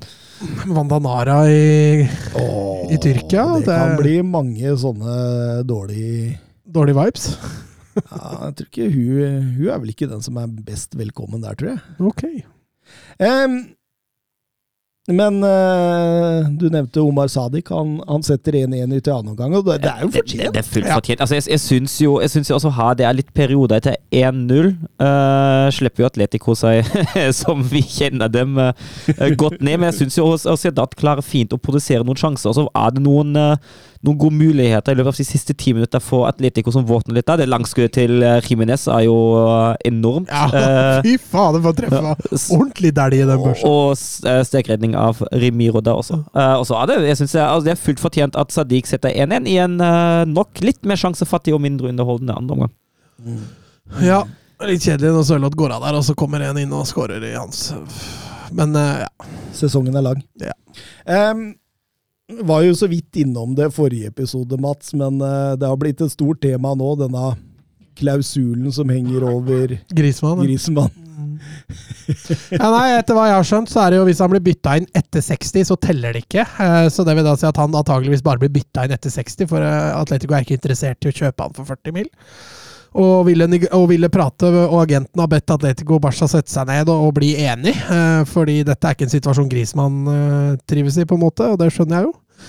Eh, fordi Atletico vil ha en mye mindre utkjøpsklausul på den, og Barca har jo betalt i lange baner, så de vil jo ha igjen litt av penga sine, men eh, det er som han sier, det er Grismann som er den store taperen her. Hørte Barcelona har satt jurister på saken igjen nå. Det er altså, Altså, de juristene til Barcelona. De, de Men forkjører altså- seg! Men altså, det er jo altså, Jeg er enig i at Griezmann er tatt, men det er jo Atletico Madrid-spill, og de kan jo velge å bruke den eller ikke bruke den akkurat som de føler for. Det er jo Barcelona, Ja. en eller annen representant der, som har satt navnet sitt under den signaturen. Ja, Ja. er akkurat. Altså, herregud. da. Altså, det, det, er, altså, det, det er mye sutring rundt de der overgangene, altså. Herre min hatt. Men, men, Og så er det ofte Barca! Av en eller annen grunn. Ja. Men, men, men hvis jeg er korrekt informert, da, så hørte jeg at han skulle over den toårsperioden at han ikke måtte spille, eller måtte spille over 50% av spilletida i La Liga. Ja, var det sånn det var, kanskje? Ja, altså, Det er det jeg har hørt. Og at de nå har regna seg ut, da Atletico Madrid, at hvis de kjører sånn 20-25-20-25 minutter gjennom hele sesongen, så vil han komme på rett i underkant av 50 Mm. Fordi i første sesongen så spilte han godt over 70 Ja. Så det er derfor, det, det, dette er litt av en eh, smølje, Døkke. Ja, herregud. Det blir veldig veldig spennende å se hva Visa ender med her. Men 1-1, og det var nok eh, for så vidt et greit resultat. Vi går over til eh, Sevilla Barcelona, og eh, Mats, det Altså, det var en god start av Sevilla, og Ja. så tar man helt over. Det er litt samme som mot eh, City, egentlig. At eh, Sevilla starter entusiastisk og, og, og vil vise seg fram. Og, og når Afinia får goalen etter eh, 21 der, så Jeg skal ikke si det rakner, men uh, nå er det veldig, veldig skjørt i Sevilla. Det, det skal ikke mye til for ting Og du så også City i går, publikum piper eh, etter 4 eh, 4-0 der. og de har fått dem litt imot seg nå, og nå tror jeg altså det begynner å brenne på dass for Loppetegi. Mm, mm.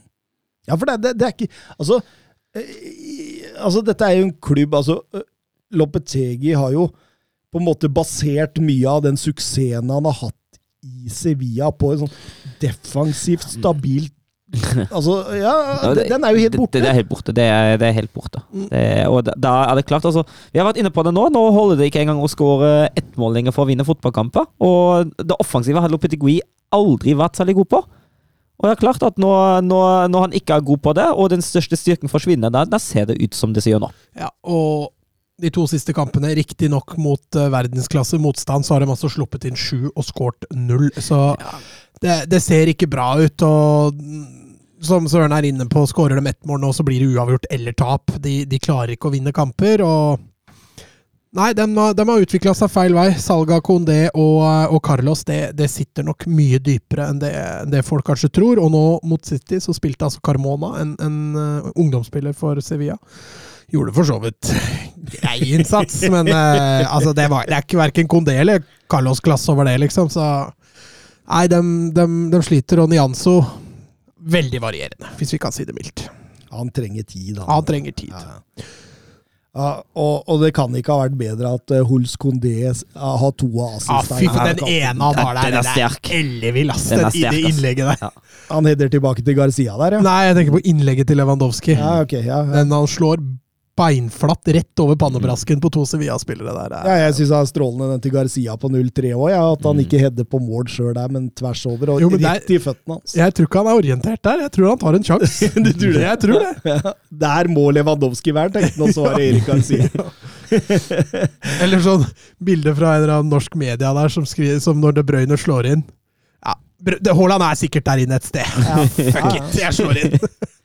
Men altså, de Barcelona de, de gir jo seg på, på 0-3. Det kunne vært 0-4-0-5. Litt av det samme som City i Champions League i går. De Ja. vaska jo gulvet med dem, dem òg. Det er jo tunge, tunge tider. Ja, det er det. Og, man er langt, altså, og det er jo noe det, altså, som du har sagt, Mats 07. Altså, man, er jo, man har jo aldri vært helt på høyden med de absolutte topplagene. Men man hadde, forrige sesong hadde man aldri fått sju, eh, sju baklengs på to kamper mot de. Uten å score. Ikke sjans at det hadde skjedd. Torjus Hansen på Twitter er Sevilla allerede ute av topp fire-kamp. Nei, Eh, nei, men eh, det må skje noe. Eh, de skal ikke ha Hvis Lopetegi ikke greier å snu det, så veit jeg ikke hvor lenge man kan tørre å sitte med han altså før man er helt ute av både eh, Champions League og Europa League. For eh, Men så Lopetegi også er en sånn eh, det- Det slår meg som en fyr som er litt vrang i motgang. da. litt Tuchel. Ja, kanskje litt Tuchel, ja. At det virkelig kan smelle der. Ja, men så Liksom. så du også på 0-1, da. Altså, du ser han har lyst til å, å bare skrike inn i en pute, men han, han prøver å klappe litt og, og, og kommer opp igjen og sånn, så, så jeg tror dette sitter tungt for han òg. Jeg, tror han, eh, jeg tror han også er litt rådvill. Jørn Henland, er eh, Condé denne sesongens høyreback for eh, Barcelona, eller kommer Roberto til å ta over? Nei, jeg tror det blir Kondé i de fleste, og i hvert fall de viktigste kampene. Eh, Jeg syns han har vist i de to kampene han har spilt nå, at eh, han bekler den høyrebekken bra. Han kan bidra offensivt. Men jeg tror fortsatt Barca er på jakt etter en høyrebekk i lengden. Eh, Beyerin har skrevet bare ettårskontrakt. Så får vi se. Kan vel hende Beyerin skal inn etter hvert. Mm. Mm. Eh, andre artige ting i La Liga. Via Real slo Elche 4-0 og er dermed Altså, de har ikke sluppet i mål denne sesongen, Villarreal. Nei, det, og det er det, et av lagene, det er det ene laget som gjør at jeg tror Sevilla kommer til å slite med den Champions League-plassen. For nå, nå har ikke Villarreal eh, noe Champions League å spille for. Eh, Og de kan fokusere i langt større grad på La Liga, da. Eh, og de mist, endte jo opp med å beholde stoppeparet sitt, som var sterkt linka ut, så Ja, ja, offensivt der med Jeremy Pina, med, med Giovanni Lo Celso, som var banens beste i den kampen der. Ja, og så har de Gerard Moreno, er jo fortsatt der. Denne Morales, som, eh, som er jævlig artig, men Gammelen sjøl. gammelen sjøl, eh, som plutselig har fått nytt liv. Eh, eller nytt liv er jo kanskje å ta i, men eh, som ser bra ut. Eh, og så får vi se med denne Jackson om han greier å slå gjennom. Han ser jo spennende ut, han også, men, men måla uteblir foreløpig. Nei, eh, De har også en bredde nå da, som ser, ser litt bedre ut. Så jeg, jeg, jeg er veldig spent på Villarreal. Jeg har en følelse at de, de karer seg inn eh, topp fire etter den sesongstarten de har fått. Og da er det jo selvfølgelig i så fall Sevilla, Sevilla som rykker. ja. Nei, Det er veldig tidlig, så skal være forsiktig med å melde, men, eh, men jeg syns Villarreal har sett solide bra ut. og Sevilla kan fort ende opp med å få en del smeller i Champions League og, og miste selvtillit, og så føler de seg nok tvunget til å sitte med Loppetegi en stund til. Mm. Uh, og sparker nok ikke han før det virkelig har tatt overtenning på den dassen, og da, da kan det det er for seint. Ja, for all del. For all del. Et annet resultat som var, var litt eh, spenstig. eh, Valencia Getafe 5-1. Eh, Gattuso han har, Kommet i gang, da. han har kommet i gang, han. Slet Ja. med å skåre mål i de tre første kampene, men nå Nå, Nico Gonzales-effekten. ja. Eh, Jeg kan nevne at Moriba også ble leid ut til Valencia på overgangsvinduets siste dag, når Soler dro til PSG, men han debuterte med rødt kort, han. Selvfølgelig gjorde han det. Skal vi ta en tur til Bundesliga? Oh yes. Er macht ein richtig gutes Spiel. Jan Schimonek. Die Wolfsburger lassen so gut wie nichts zu. Grafit. Grafit gegen Lell. Jetzt wird's eine Demütigung. Guckt euch das an. Bist du verrückt? Bist du verrückt? Tor des Jahres. Die Bayern der Lächerlichkeit preisgegeben. Ja, og der begynner vi med Dortmund mot uh, Hoffenheim. Og er det det nye Dortmund vi ser nå? Ja, nå, Thomas, nå syns jeg Nå ser det bra ut. Den balansen i den kampen her som vi traff på, det var, det var bra. Og, og nå, nå begynner vi å se hva vi ja. snakka om her. Ja, eh, altså, det, det er, altså Du har jo fortsatt ikke det skarpeste og høyeste press, høy, toppresset da. Innimellom til tider går Røys opp ved siden av Modest, om han presser tidlig. Uh, gjenvinningsspillet derimot, det er, det er veldig bra.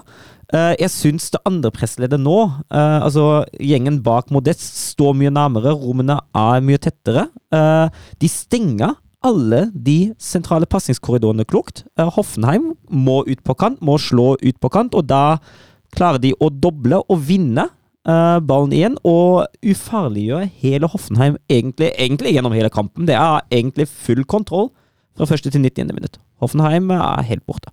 Og det er, jo, det, det er jo ting vi ikke er vant med fra Dortmund, Mats. Altså det litt mer kynisme da, som også får det til å fungere. Et spørsmål nå er om Dortmund greier å videreføre dette også videre i neste kamper. Nå, når er det Bayern? Uh, husker Å ja, nei, jeg trodde det var rett rundt hjørnet. Nei, da har jeg hørt feil. Eh, så får Men vi nå er det Leipzig, tror jeg, neste helg. Ja, så da får vi jo en Ja, ja, Leipzig. Leipzig blir kanskje ikke den store prøvelsen, men eh, Bundesligas svar på Sevilla. det. Ja, det er Bundesligas svar på Sevilla. Eh, men de har i hvert fall tatt grep, dem, da. Eh, så får vi se. Men nei, Dortmund eh, veldig spennende. Og så så får vi se når de får en spiss på plass igjen. Mm. Altså Modest for all del gjør en, gjør en jobb, men eh, ja. Ja, det blir spennende. Aller var på, var jeg på stadion på tribunen nå mot uh, København. Hvem? På Aller. Sebastian. Ah, ja. ja. jeg så det på Instagram. Ja, og spillerne ble Royce han ble ganske rørt, og det er Mm. fint.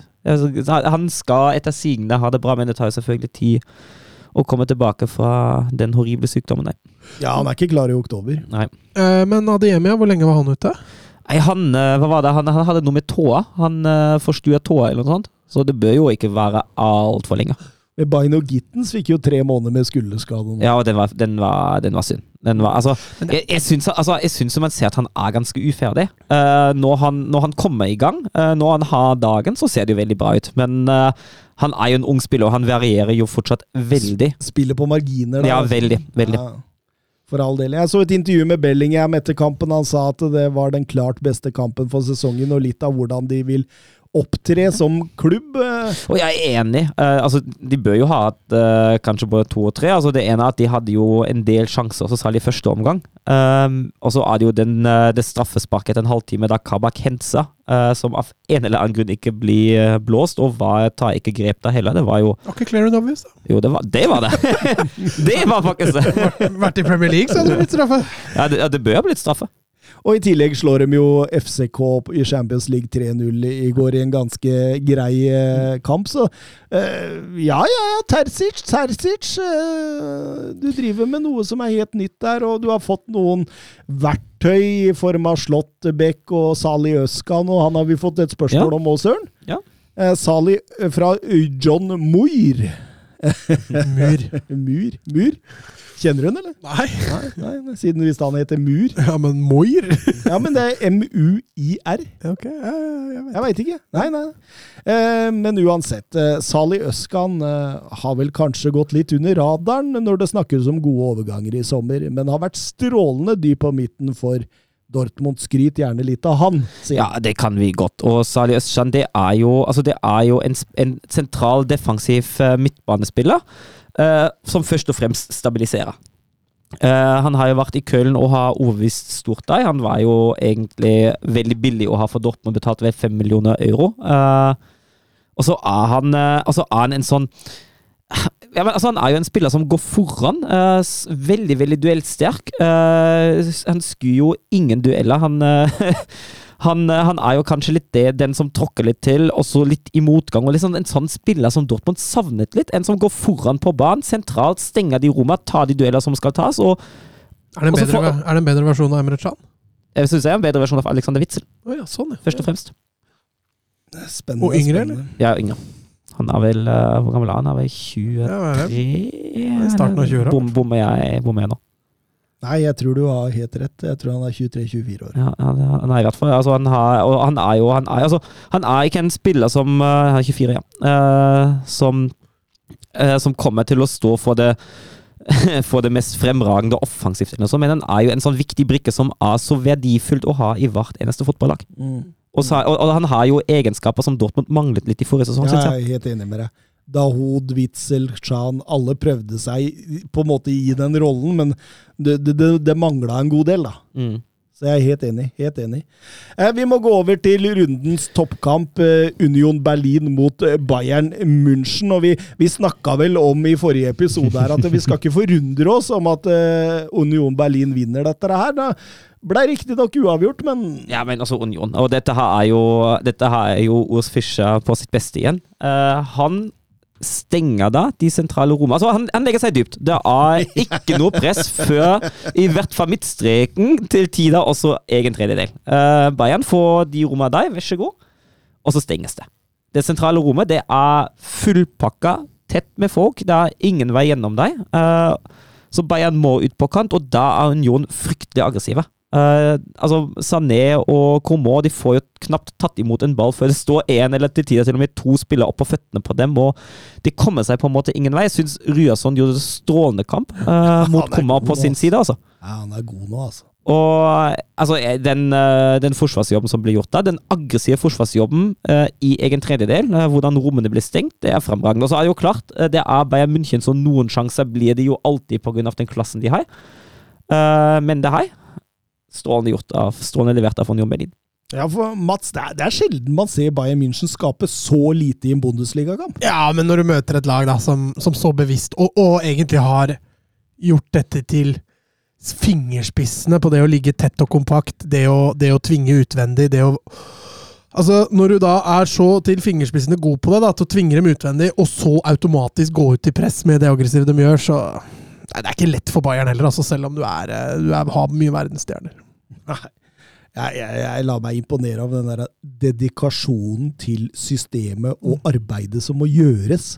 Altså, de spillerne der, de, de er håndplukka. Det, altså, det, det, det, er, her, her, det er ikke noen, eh, noen primadonnaer som er ute og jobber her. Altså, det er full bein innsats hele veien, altså fra første minutt til siste. Og det, Så du, Altså- tror ikke, du tror ikke Cristiano Ronaldo hadde fått plass på laget der? nei, det tror jeg ikke. Jeg tror ikke Ors Fischer ville tatt i Cristiano Ronaldo med en ildtang Nei, engang. ikke sjans. Nei, nei, nei. Altså Nei, jeg er helt enig. ja, nei, det, Ikke det at Ronaldo hadde gått til Union Berlin, men eh, ja, men da hadde han jo gått til et av de beste lagene i Tyskland. Ja, ja, Fedaksate, ja. Det er veldig morsomt å, å, å se på. Og så, og så er det jo liksom sånn De parkerer jo bussen når vi sitter og hyller det, men det er jo fordi altså, Union Berlin er Union Berlin. ja, Altså, men kan- jeg har jo hylla Atletico, jeg, for akkurat den biten. For når du er så dedikert og gjør det til en Altså, du eier det, da! Hvis Ja, du skjønner det hva jeg mener? Ja, ja. Eh, det er noe man fint kan hylle, spør du meg. Selv om fotballen ikke er vakker. Ja, altså, altså kan du på en måte ikke gå ut mot Bayern og spille åpent spill. Det Nei. går ikke. Ikke mot det laget der. Det er ikke sjans. Det, Da, det, da, da, da, får, da, da sitter Nagelsmann og skryter litt av deg eh, etter å ha kost seg med en 5-0-seier, liksom. Mm. Helt klart, helt klart. Men er ikke det litt ålreit? Får litt skryt av Nagelsmann? Ja, de gjorde jo for så vidt det. Ja, ja, Etter kampen så sier jo Nagelsmann eh, et fair resultat. Vi skaper ikke nok, eh, men vi kan i hvert fall ikke snakke om to tapte poeng her. Vi var unøyaktige og er Mm. ikke på det nivået vi har vært de siste ukene, og det kan vi takke Union Berlin for. Så. Ja, og jeg er enig. Altså, det er jo liksom den forskjellen som, eh, som er fra den 1-1-kampen nå mot Union. fra den mot Mönchenglattberg. Mot Mönchenglattberg syns jeg rett og slett de var uheldige, kanskje litt for dårlige avslutningene. Her sliter de faktisk med å skape sjanser. Åssen går det i Milano i kveld mot Inter? Jeg tror de vinner 3-1. Og jeg, tror, jeg meldte vel Bayern overraskende ut av Champions League. Så jeg får gå for en eh, 3-1 til Inter, jeg, da. Ja, jeg, jeg meldte jo Chelsea overraskende ut, og eh, så langt har jeg vært Ja, fornøyd men med det. Den sparka treneren i tide, Ja, Defker. vi får se, vi får se. kommer en Potter inn der og redder det. Ja, jeg kan få hende. Nå, søren. Nei da. Nå, nå skal vi innom eh, Fordi Wolfsburg fikk besøk av Köln. De tapte 2-4. Eh, jeg må innrømme at jeg hadde for mye å gjøre den lørdag ettermiddagen til å se den, men jeg forsto at det var tungt i chatten. Det var fryktelig tungt. Eh, ti gode minutter, eh, akkurat som mot Schalke og mot Leipzig. Eh, denne gang kom de i starten, eh, så man setter seg jo ned. Eh, ser at Nemecha skårer etter to minutter. Så ser man at de første fem, seks, sju At åh, det så kanskje ikke så ille ut i dag. Så får man litt håp. Og så rakner det etter et kvarter igjen. Og det Åh, altså det er jo altså, altså tror man at det er At det er en slow-mo-reprise, men så er det bare Max Kruse som prøver å løpe etter en ball. og defensivt er det ingenting som henger på greip. I dag, eh, eller på lørdag prøvde Kovac seg med en trevekslinje. Eh, Det eksperimentet ble avslutta etter en omgang og tre baklengsmål. Ja. Spillere kommer inn og ut. altså av, eh, av start Evan Frangic fikk sin debut. eh, Fikk riktignok assisten til Nemecha, fin pasning, men det var, det var omtrent det eneste som fungerte. Defensivt er det enorme rom. Uh, man gir enormt bakom og forventer at en Joshua Gilavogi, som rykka ned med Girondin Bordeaux i Frankrike forrige sesong, skal stappe de deg. Mm. Uh, offensivt er det Man slår langt, man slår planløst, man slår Altså, det er så grusomt å se på. Eh, da det kom 2-3, to-tre timer før slutt, jeg hadde ingen reaksjon, for jeg visste at det ikke kom til å gå. Altså, jeg har sjelden opplevd at Wolfsburg skårer et mål, og det er noenlunde jevnt, og jeg bare tenker Hjelper ikke uansett. Men hva tenker du når Marcel Schäfer er ute og sier at eh, Niko Kovac er rett mann for klubben? Eh, vi må bevare roen og jobbe videre, men samtidig så skjønner vi at kritikken kommer, sier han. Ja, han er- ser jo råvill ut. Altså, Han har jo ikke funnet en stamformasjon, har ikke funnet noe konsept. Altså, Defensivt er det akkurat som han skulle forvente under Kovac. Offensivt er det mye verre enn man skulle forvente under Kovac. Eh, jeg syns jo to-tre mål, og så kommer jeg sånn helt ut av det blå. Jeg, altså Nå er det Frankfurt og Union neste. De to Ja, det, det er litt skremmende. Borte uh, begge to. Mm, uh, regner med null poeng der, og så regner jeg med at hvis det blir null poeng, og spillet fortsatt ser ut sånn, eh, da, altså, da er det landslagspausen der det skjer noe. Altså. Han, altså For meg ser han allerede ferdig ut nå. Eh, Jeg sa jo egentlig at han skulle få to-tre kamper til etter den grusomme Leipzig-kampen, men det blir jo bare verre og verre for hver kamp som går. Utviklingen er elendig. Uh, og jeg, jeg, ser, jeg ser Altså, jeg, jeg har sjeldent hatt så lite håp når det gjelder det laget der. De Du var ganske langt nede under K-felt. Går det an å gå så enda lavere Ja, ja, ja, ned? altså? altså for, akkurat nå er jeg faktisk ordentlig redd. Men uh, Tuchel. Hadde det vært noe? Aldri i livet. Eh, Nei, det? Kommer ikke til å skje. Det, det, blir, en- det blir en form for hytte. Eventuelt til Desko, helst ikke, men eventuelt. De har ikke sluppet inn eh, tre hjemme eh, på en omgang siden april 2021 mot Bayern München, og de Mm. har to poeng på de første fem. Dårligste starten noensinne. Dårligste starten noensinne, så det er klart det, Mats, Og- at dette er, dette er tungt. Dette er svintungt. Og, og det, akkurat, altså det verste er jo, hadde det vært sånn at man hadde hatt litt marginer imot og hatt en litt sånn dårlig start poengfangstmessig. Litt, litt som Leverkosen. der, altså Leverkosen har bare tre poeng, eh, men har også en god del poeng for lite. uh, med tanke på hvordan kampene har vært. Så kunne man kanskje ha levd litt med det. Men akkurat nå da hadde du jo sett utvikling, på en måte. Ja, ja. Og akkurat nå, akkurat nå ligger vi på nest siste plass i Bundesliga, og vi ser ut som det nest dårligste laget. Og det, det, er, det er helt katastrofe. Det er bekmørkt. Bernt Olav Gjellegjerde Hansen på Twitter. eh, Søren, eh, kan i verste fall Wolfsburg rykke ned denne sesongen? Og i så fall, eh, har Wolfsburg tyngden og økonomien til å ta seg rett opp igjen, eller vil det være fullstendig krise over mange år? Jeg er jo redd for at eh, det kan skje. Jeg kan ikke huske at jeg noensinne har vært så redd etter så få kamper. At uh, jeg, jeg ser ikke hvordan man skal vinne kamper, egentlig. Uh, Nei, nei, jeg kjenner hele stemninga Ja. i studio datt nå! Ja, men, men Wolfsburg har jo en bedre stall enn i hvert fall fem-seks av laga Ja, rundt det- der. Så potensialet for at dette skal gå bra, er fortsatt ganske stort. Ja, men ak altså, som utviklinga er akkurat nå, per dags dato Jeg veit ikke hvordan vi tar poeng. Eh, de neste to, det blir jeg, Klink og klink, da, men 90 at begge to blir tap. Uh, jeg ser ikke hvordan man skal, skal Eneste sjanse man kanskje har, at de er litt slitne, fikk litt skader underveis i Europa League. eh, eller Champions League, da. Men uh, Du veit at eh, Pep Guardiola, når han starta i Barca på A-laget, mm, så vant han én av sine første fire kamper. Og Ja. da møtte han Wisla Krakow to ganger. uh, Numancia og eh, Betis. Ja, og jeg sa jo før at jeg tror at Kovac er en middelmådig trener, men akkurat nå er han ikke det engang. Så. Nei, altså, jeg, jeg er jo redd for det. Uh, og så selvfølgelig kan det skje, hvis man ikke snart begynner å plukke litt poeng her og der. Uh, og så gjelder jo det Altså, økonomisk er jeg ikke sånn voldsomt bekymra, men det handler litt om det med klubbfilosofi. Uh, for jeg syns, jeg syns Schmatke og Schäfer ser helt ferdig ut. Schmatke er jo ferdig nå i januar, også heldigvis. Det er jo en det er jo en sportssjef som har ledet alle sine lag, som han har vært, til Europa. eh, og blant dem er Alemania Aachen, Hannover 96 og 1. FC Köln. Så det har ikke vært bare bare. Men i alle de lagene har det kommet en voldsomt nedtur også, etter at de har vært i Europa. Så dette er en mann som eh, bringer suksess, men som etterlater seg masse brent jord. Uh, og jeg er ikke lei meg for at han, at han er ferdig nå, men fordi han mener at han er et av problemene. Sjefa ser ikke ut til å være den mann som har ferdighetene til å overta. Eh, jeg syns de siste tre eh, treneransettelsene har vært uh, ganske planløse. Uh, jeg ser ikke en rød tråd i dem i det hele tatt. Uh, det virker som at myke faktorer som energi og engasjement og, og alt det der framstår viktigere enn fotballfilosofi.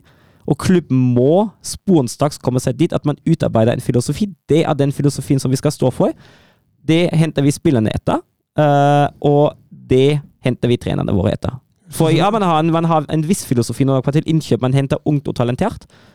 Men jeg ser fortsatt ikke en rød tråd i spillestil da heller, og det må klubben finne ut av. For jeg hadde et håp da Glasner satt, om at det var veien man skulle gå. Men han har jo gått den helt motsatte veien Det var bra sitat han hadde der. En mann som bringer suksess, men etterlater seg masse brent jord. Mm. Den kan vi bruke seinere. Den, eh, den foreslår jeg at du bruker seinere, Døfker. Apropos brent jord. eh, Leipzig var på tur til Frankfurt også, og fikk eh, fire tette og en badehette, kan man si. Og, og, og, og, underveis i den kampen så slo det meg. Ser jeg på RB Leipzig mm, for tolv måneder siden? Ja, det ser, det ser, likt, det ser, det ser skremmende likt ut. Og, og når jeg snakker om Kovac som, som ser litt råvull ut, så gjelder det samme for Tidesco. Han starter jo eh, Han ser ikke rådvill ut nå lenger, da. Nei, nei, nei, men han så det. Han satte jo kampen i en 3-5-2. Eh, så går det 18 minutter, så bytter han over til 4-1 Altså til 4-4-2 diamant. Eh, I andre omgang kommer de da ut i en 4-2-3-1, og ingenting hjelper. Nei. Eh, ingenting som hjelper. Altså, de romma altså, som de etterlater seg sentralt, altså, det, er jo helt sykt. Ja, ja.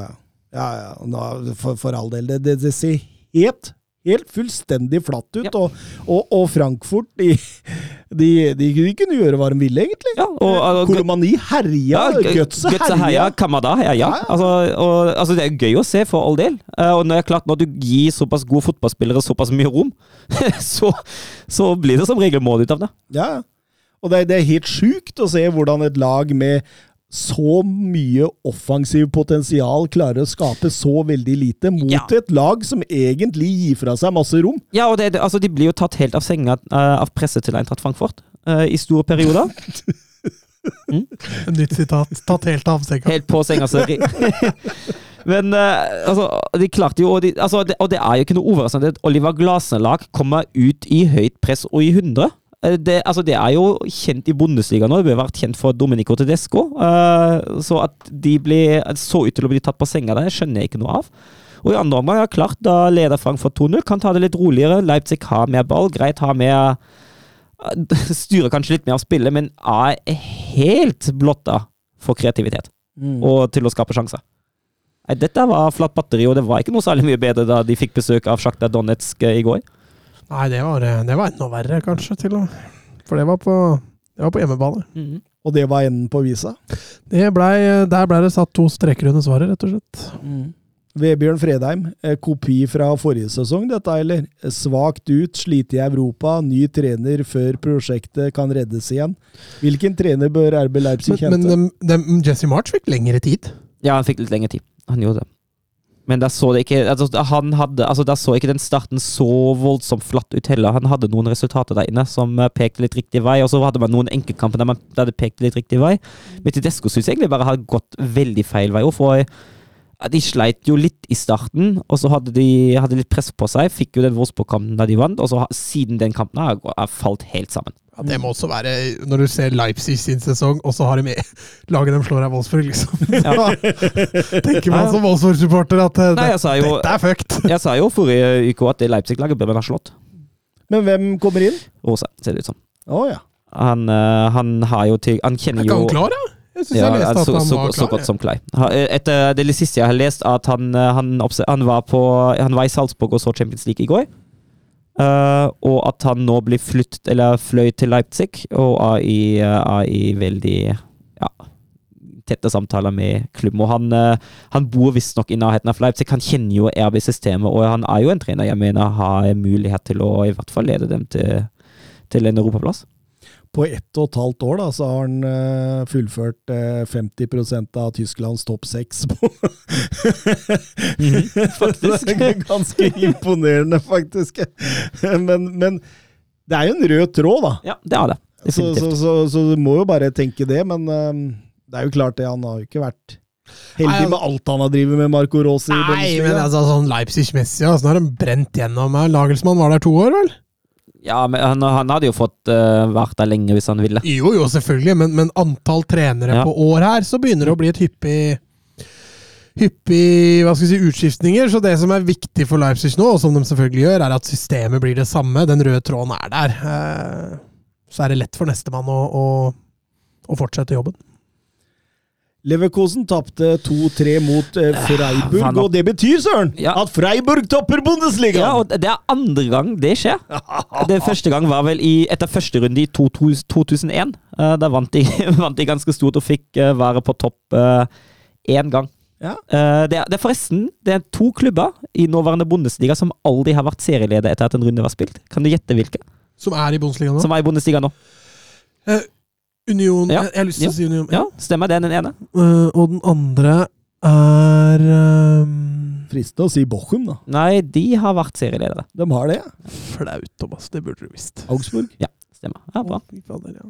Nei, og, og, men altså, det skal jo sies at den seieren var heldig. Uh, Leverkosen var egentlig det beste laget. Freiburg uh, endet litt, uh, endet litt taktikk-formasjon i andre omgang, etter at den første omgang gikk fullstendig Leverkosens vei. Uh, kom seg litt bedre inn i det, men uh, sett under ett av den, uh, av den noe heldig seier for, for Freiburg. Da. Patrick Schick er i gang, da. Ja, han skal gå. Det var, og Hudson Døy hadde assist. På, Men, men, men jeg må flire av Streis da, eh, eh, på hans kommentar eh, til at de leder Bundesliga, hvor han sier det er viktig for Freiburg å holde seg i, i Bundesliga. Mot Leverkosen skårer vi to på dødball, og, og, og det har jo vært sånn at vi har hatt litt marginene med oss, da. det, er, det er nydelig! Ja, det er herlig. da er du trygg i Ja. egen klubb! Ja, det er så herlig. Du kan snakke deg sjøl ned! Ja, men, altså, men Freiburg det er jo det er en så herlig klubb, og de er, de er så rolige og, og stabile og konsekvente i alt de gjør. Og det, det, altså, det er en sånn klubb, med mindre man er, man er fra Stuttgart, så unner man dem jo suksess. Men eh, altså, Freiburg, altså med tanke på dette her med stabilitet da, på trenersida, liksom. Altså hvordan Det er jo noen klubber som ikke er villige til å prøve engang, og så er det noen klubber som prøver, men som mislykkes. Men så har du de klubbene som Freiburg, da, hvor stabilitet faktisk lønner seg. da. Ja, og, og Streich rykker jo ned. Ja, ja, jeg, jeg, sier at det, Ja. han har jo vært med både på oppturer og nedturer, og nå, nå betaler det seg, dette med, med stabilitet. Og det er ikke første gang. De hadde jo folk av Finke satt jo i jeg tror 14 år eller noe sånt. Nå, i, I forskjell til for eksempel Bournemouth, da, som rykker opp med Scott Parker. Det går fire serierunder. Han taper mot er Arsenal, Liverpool, eh, Mm. Manchester City og et eller annet. Det var helt vanvittig rekke der, i hvert fall. Jo, men der var det vel litt gnisninger Jo da, inn mot et styre, så det, det var ikke bare sportslig, liksom. og, det, og, og det, det er jo på en måte forbehold man kan ta på veldig mange steder, at det, det, det er en interessekonflikt innad i klubben. Mm. For all del. Eh, Verdt å nevne også at eh, Mainz tok en råsterk borteseier mot Gladbach. Ja, det òg. en, eh, en noe heldig seier. Kanskje uavgjort hadde vært eh, det treffende resultatet. Eh, men ja, det er, det er sterkt. Kan også nevne da at K. Itakora han ble utvist etter rundt 50 minutter for en uh, takling som sistemann mot Karim Onisivo. Og da var- spilte Gladbach nesten en hel omgang med ti mann, og da er det klart, da blir det vanskeligere. Og Hertha Berlin tok sin første seier for sesongen. Ja, mot Augsburg. Som har sendt Wolfsburg ned på nest siste plass. Fullt fortjent den forresten, den seieren. jeg. Ja, nå ligger dere på nest siste her. Å, faen meg. Det er vel ett av to lag som ikke har vunnet den. er Nei, vi får håpe det skjer da. så vi får Ja, litt bedre. Stuttgart har heller ikke vunnet. Ja, greit, tre, ja. Men Mm.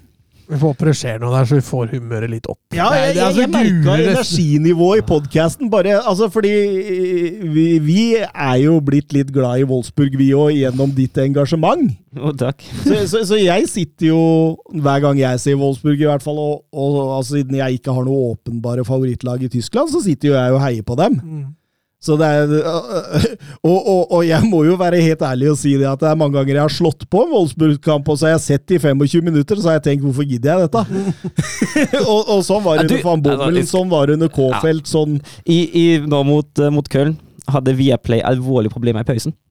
Uh, og det hakka, og det ble kastet ut av streamen hele tida. Og i mitt stille sinn tenkte jeg, hvis jeg nå ikke får sett andre omgang, gjør det egentlig så voldsomt mye? Jeg, var- jeg var etter pause, jeg var ferdig, egentlig. Jeg var, jeg var lei. Viasat hadde tekniske problemer over hele linja. Ja. Plutselig ble det engelske kommentatorer, og så jeg tenkte ja, dette var ålreit! Men, eh, men jeg fikk jo uh, punktlig til andre omgang, så var problemene løst. og Jeg fikk, jeg fikk sitt hele spetakkelet. Det er deilig. Det er, Det er kjempefint. Vi går over til Serie A. era il marcatore di Cannavaro.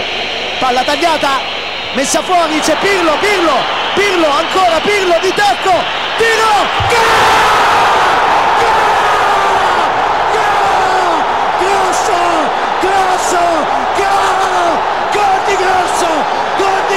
Vi begynner Serie A eh, med Fiorentina mot Juventus. Det endte 1-1. eh, En kamp ah, Altså, dette er altså, vi, vi snakker om den der på en måte Den systematiske Hva kan du kalle det? Periodiske eh, gjengehøret som skjer i Atletico Madrid og alt mulig sånn. Men, men, men det er jo sånn i, i Juventus òg. Man sitter jo og ser på det samme eh, runde etter runde, eh, og, og tenker liksom Bør ikke skje noe snart? Mm. Ja, nesten litt sånn at Juventus er litt heldig her. Mm. Eh, Dem, eh, altså de mot PSG, da, egentlig fullt fortjent. Og der ser du altså tempoforskjellen da, på disse to lagene. Liksom. Altså Når PSG skrur opp tempo, og presisjonen er der Juventus har ikke kjangs. Uh, Juventus er vel med i matchen pga. et par dødballer, men Nei, det har vært uh, jeg, jeg prøvde jo å krige Juventus inn som seriemester i år på La Liga, Liga-tipset, jeg, på Serie A-tipset. Uh, nå er jeg jogging. Altså, den serieåpningen her har vært, eh, vært skremmende. Man har fortsatt ikke tapt, men eh, Ja, men så, så bare måten å si Ok, okay ikke sant. Milik setter en tidlig 0-1-ledelse, og, og Juventus har en god start. Eh, så, så begynner Fiorentina å spille seg inn i kampen. Får 1-1 med Kouame, han som du kjenner igjen fra, fra Anderlecht. Ja. Og så får de et straffespark eh, rett før pause, som Luka Jovic eh, bommer på. Ja, Perin har en eh, strålende redning der. Ja, han, han flikker den med videre Ja. i stolpen der. Og så, annen omgang Altså, Juventus dype, lite Mm. ball, svake når de får ball. Altså, det er så monotont, så energiløst at man Og, og, og det er litt sånn Prøv å sette fingeren på hva det er. Det er ikke så lett. Nei, altså det er jo et offensivt spill uh, som er for dårlig. Og, altså, men det, altså, det er ikke bare for dårlig, men da, når vi snakker om mentalitet til Liverpool, er det også noe med mentaliteten til Juventus her. Eh, for det ser ut som at Allegri implementerer en filosofi der det viktigste er å unngå baklengsmål. Og ja, det kan også ha sammenheng med at det er derfor de ikke har tapt, for det viktigste er å unngå tap, men det er mye bedre å vinne enn å tape enn å spille to ganger uavgjort. Eh, og det er ikke noe Altså det er ikke noe jag etter mål heller i andre omgang. Og Fiorent, altså hvis, man, hvis man vil være der oppe, er Fiorentina et lag man bør slå. Ja, ja. ja, ja for all del. Og så kommer ikke Vlaovic inn der når Nei. du trenger mål. Nei, altså hva i alle dager? Men, men de, de er jo såpass solide i rammeverket, da. ikke sant? Og, og, og, og, det er jo litt av det vi har snakka om med Allegri. Han er jo en litt sånn type, type trener at det må litt magi på, på topp for at det skal, skal egentlig eh, skinne gjennom her. Vi trodde kanskje det var Angel Di Maria, kanskje var Vlaovic, men du ser jo at alle spillere, alle offensive typer spillere, blir svakere med en gang de kommer til Juventus for tida. Mm. Skummelt. Ja, det er litt sånn eh, Selv om Capello var ute nå og, og slakta Juventus under Allegri. Mm. Ja, han har ikke fått det til.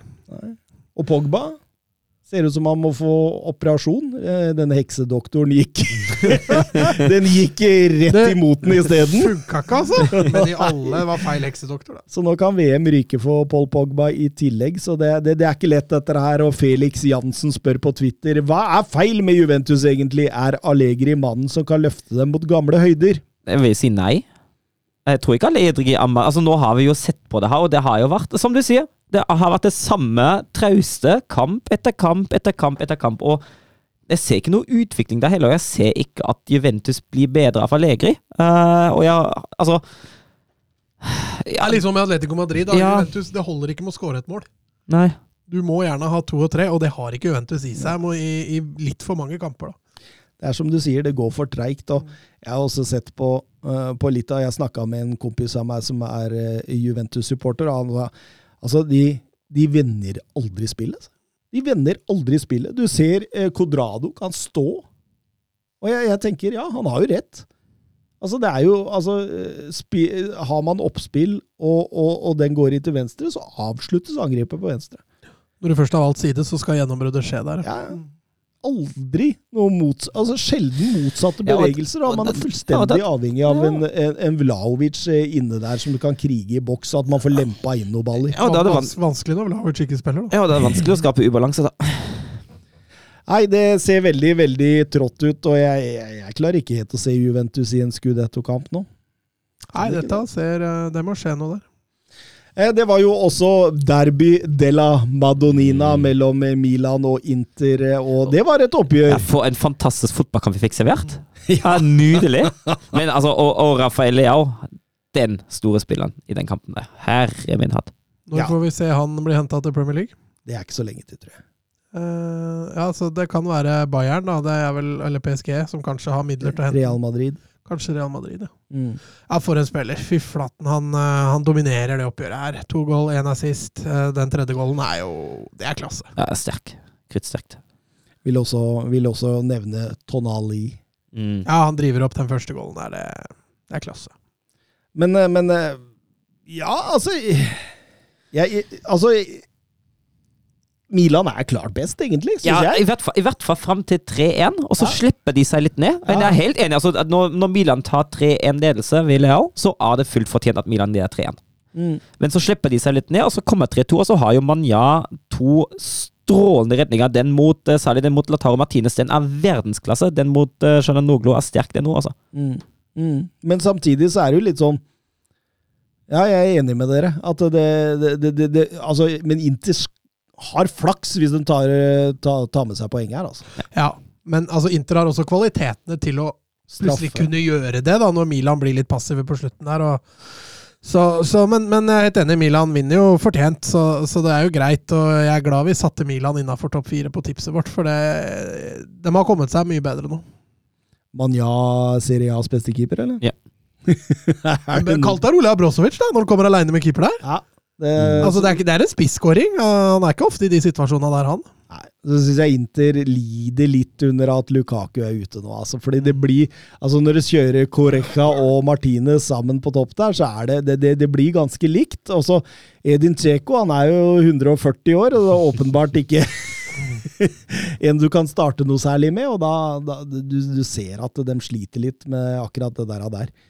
Ehm, så, det, så det blir spennende å se, men det, det, det er i hvert fall en av de kampene jeg har sett mellom Inter og Milan som, som har vært kulest på lang, lang tid. Altså, og Oppda støtter det også. De sier at det er de fleste avslutningene i, i en eh, derby della Madonnina på 2000-tallet. Så det er jo åpenbart gøy òg. Åh, Leao, ja. Men, men glemte Shanaloglu hvilket lag han spilte på? Ja, det virker litt sånn på foran 1-1, tenker du, ja. ja det, var, det, det var fryktelig og veldig uvanlig at det kommer fra ham. Ja, nei, det var, eh, var veldig, veldig spesielt. Men eh, tre poeng til Milan, og det er uh, vel fortjent. Det eh, nevner litt uh, Lazio-Napoli òg. Et eh, Napoli-lag som tar en fullfortjent seier borte mot, mot Lazio, Søren. Ja, og Lazio Altså, nei, unnskyld. Eh, Napoli ser jo, ser jo virkelig god ut nå om dagen, og har jo et av lagene som også er ubeseiret, men i, eh, i likhet med Juventus er det jaget da, da. Eh, det, er et jag, det er et lag som jakter mål, eh, som jakter seire, som vil vinne fotballkamper, og gjør seg betalt nå bort, bort mot Lazio. Kvadriaskela nok en gang Ja, han beste. har vært, har vært helt enorm, altså. Det er en liten trollmann. Mål og assist, og tempo, finterepertoar, tyngdeoverføringer. Det er, det, han har liksom hele pakka. Eh, ser ut som han også nyter tilværelsen i Napoli, da, så og, og, og jeg syns han Kim ser bra ut. Han skårte jo 1-1-målet, stopperen der, og jeg syns det ser veldig, veldig fint ut. Napoli møter vel Liverpool i Champions League as we Ja, speak. vil du vite hvordan det står? Ja, det, den, den, den kan jeg vite, faktisk. Mm, Napoli leder 3-0 til pause. Napoli leder Leder 3-0 til pause mot Liverpool. mot Liverpool. Champions League? Silinski, Anguissa og Simiona som skåra. Kødder ikke. Oi, oi. Så, det ja. er sjukt. Det, Det er sykt. sjukt, Det er sykt. og det får du her på direkten. Ja. Altså, alle veit det når vi snakker om det, men det, det er faktisk ganske sjukt. Ja. Champions, Hva da? Champions League. Napoli-Liverpool til pause. 3-0. Til Napoli? Ja. Ålø, da. Men Napoli er jo sterke. Men eh, de sliter jo litt i engelske. Altså City gjorde jo rent bord. Du har ikke sagt Tottenham, da? Nei, Nei, nei, nei, nei, nei. Jeg sier ikke noe mer. Jo, men si Tottenham. Jeg skal ikke si dem, så du kan si Tottenham. Der er du kul! Ja, Og så kan jeg si Barcelona til Thomas. Eh, da. nei, det, nei, nei, nei, nei. Det er sikkert 7-0 mot Victoria Pilsen der, men Men eh, nei eh, vi, vi, vi, Jeg får det bildet i huet, det der. Ikke nå, Mats! Nå, nå har vi vært så seriøse lenge. Men, men, men, men Napoli Vi var inne på dem nå, Mats. Eh, Kvadratsjkela, eh, dette offensive arsenalet, Oshimen, eh, ser solide ut defensivt. Eh, eh, fullt fortjent seier mot Lazio, mm. Mats. Ja, altså den eh, den spådommen du hadde der, der har du virkelig truffet blink, altså. For en artig type. Eh, hvis han greier å holde dette gående, så spørs det hvor lenge Napoli får lov til å Bollen. ha han.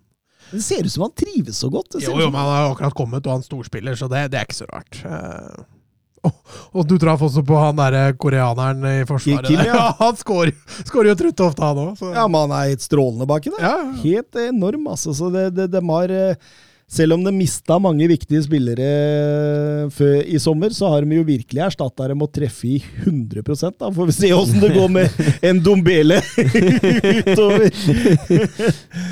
Em, nå kommer Søren til å glise i skjegget, for vi skal innom Odinese mot uh, Roma. Skjegget? Ja, så mye skjegg hadde det ikke, men uh, Hva sier du, Mats? Glise, to. Glise, Nei, han får bare tørke av seg det fliret. Altså, man har noen feilskjær når man eh, bygger, bygger topplag, og, og det kom nå. Eh, 4-0 var jo veldig flatterende, da. Det bør jo Mm, det- det- det nevnes. skal sies. Men det ser stygt ut. Det gjør det. Eh, Mourinho heiv ikke sine egne spillere under bussen denne gang, men han heiv hele dommerteamet. Jeg synes det var en av fint to, da. men, men eh, strålende levert av Odinese, som kontrer egentlig Roma i senk der. Eh, Destiny Uducci med 1-0-målet og en eh, gammel kjenning fra Bundesliga også, Søren, som gjør 2-0 der i Samardic. Ja. Så det, det Nei, det, så, Odinese det er ikke noe lag å tulle med. Det er fjerdeplass nå. Vi hadde dem langt ned når vi satt og diskuterte tabelltipset, Mats. Ja.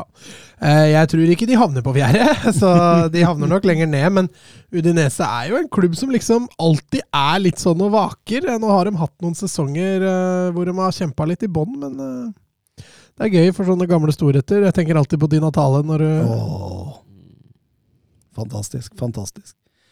Eh, serieledelsen den har riktignok Atalanta med en grei 0-2-seier over Monza. Et Monza-lag som går på sitt femte strake tap. Vi eh, klarerte vel dem godt. Ja, nærmere midten, vel? Ja, nærmere midten der. Ja, men Men altså det er litt sånn Nottingham Forest, da. De skal jo sette opp en helt ny tropp, da. Så Ja, altså har de ikke hatt det letteste kampprogrammet nå i starten heller, og det er ikke langt unna trykkplass. Det er bare to poeng opp, så Ja, ja ingenting er tapt.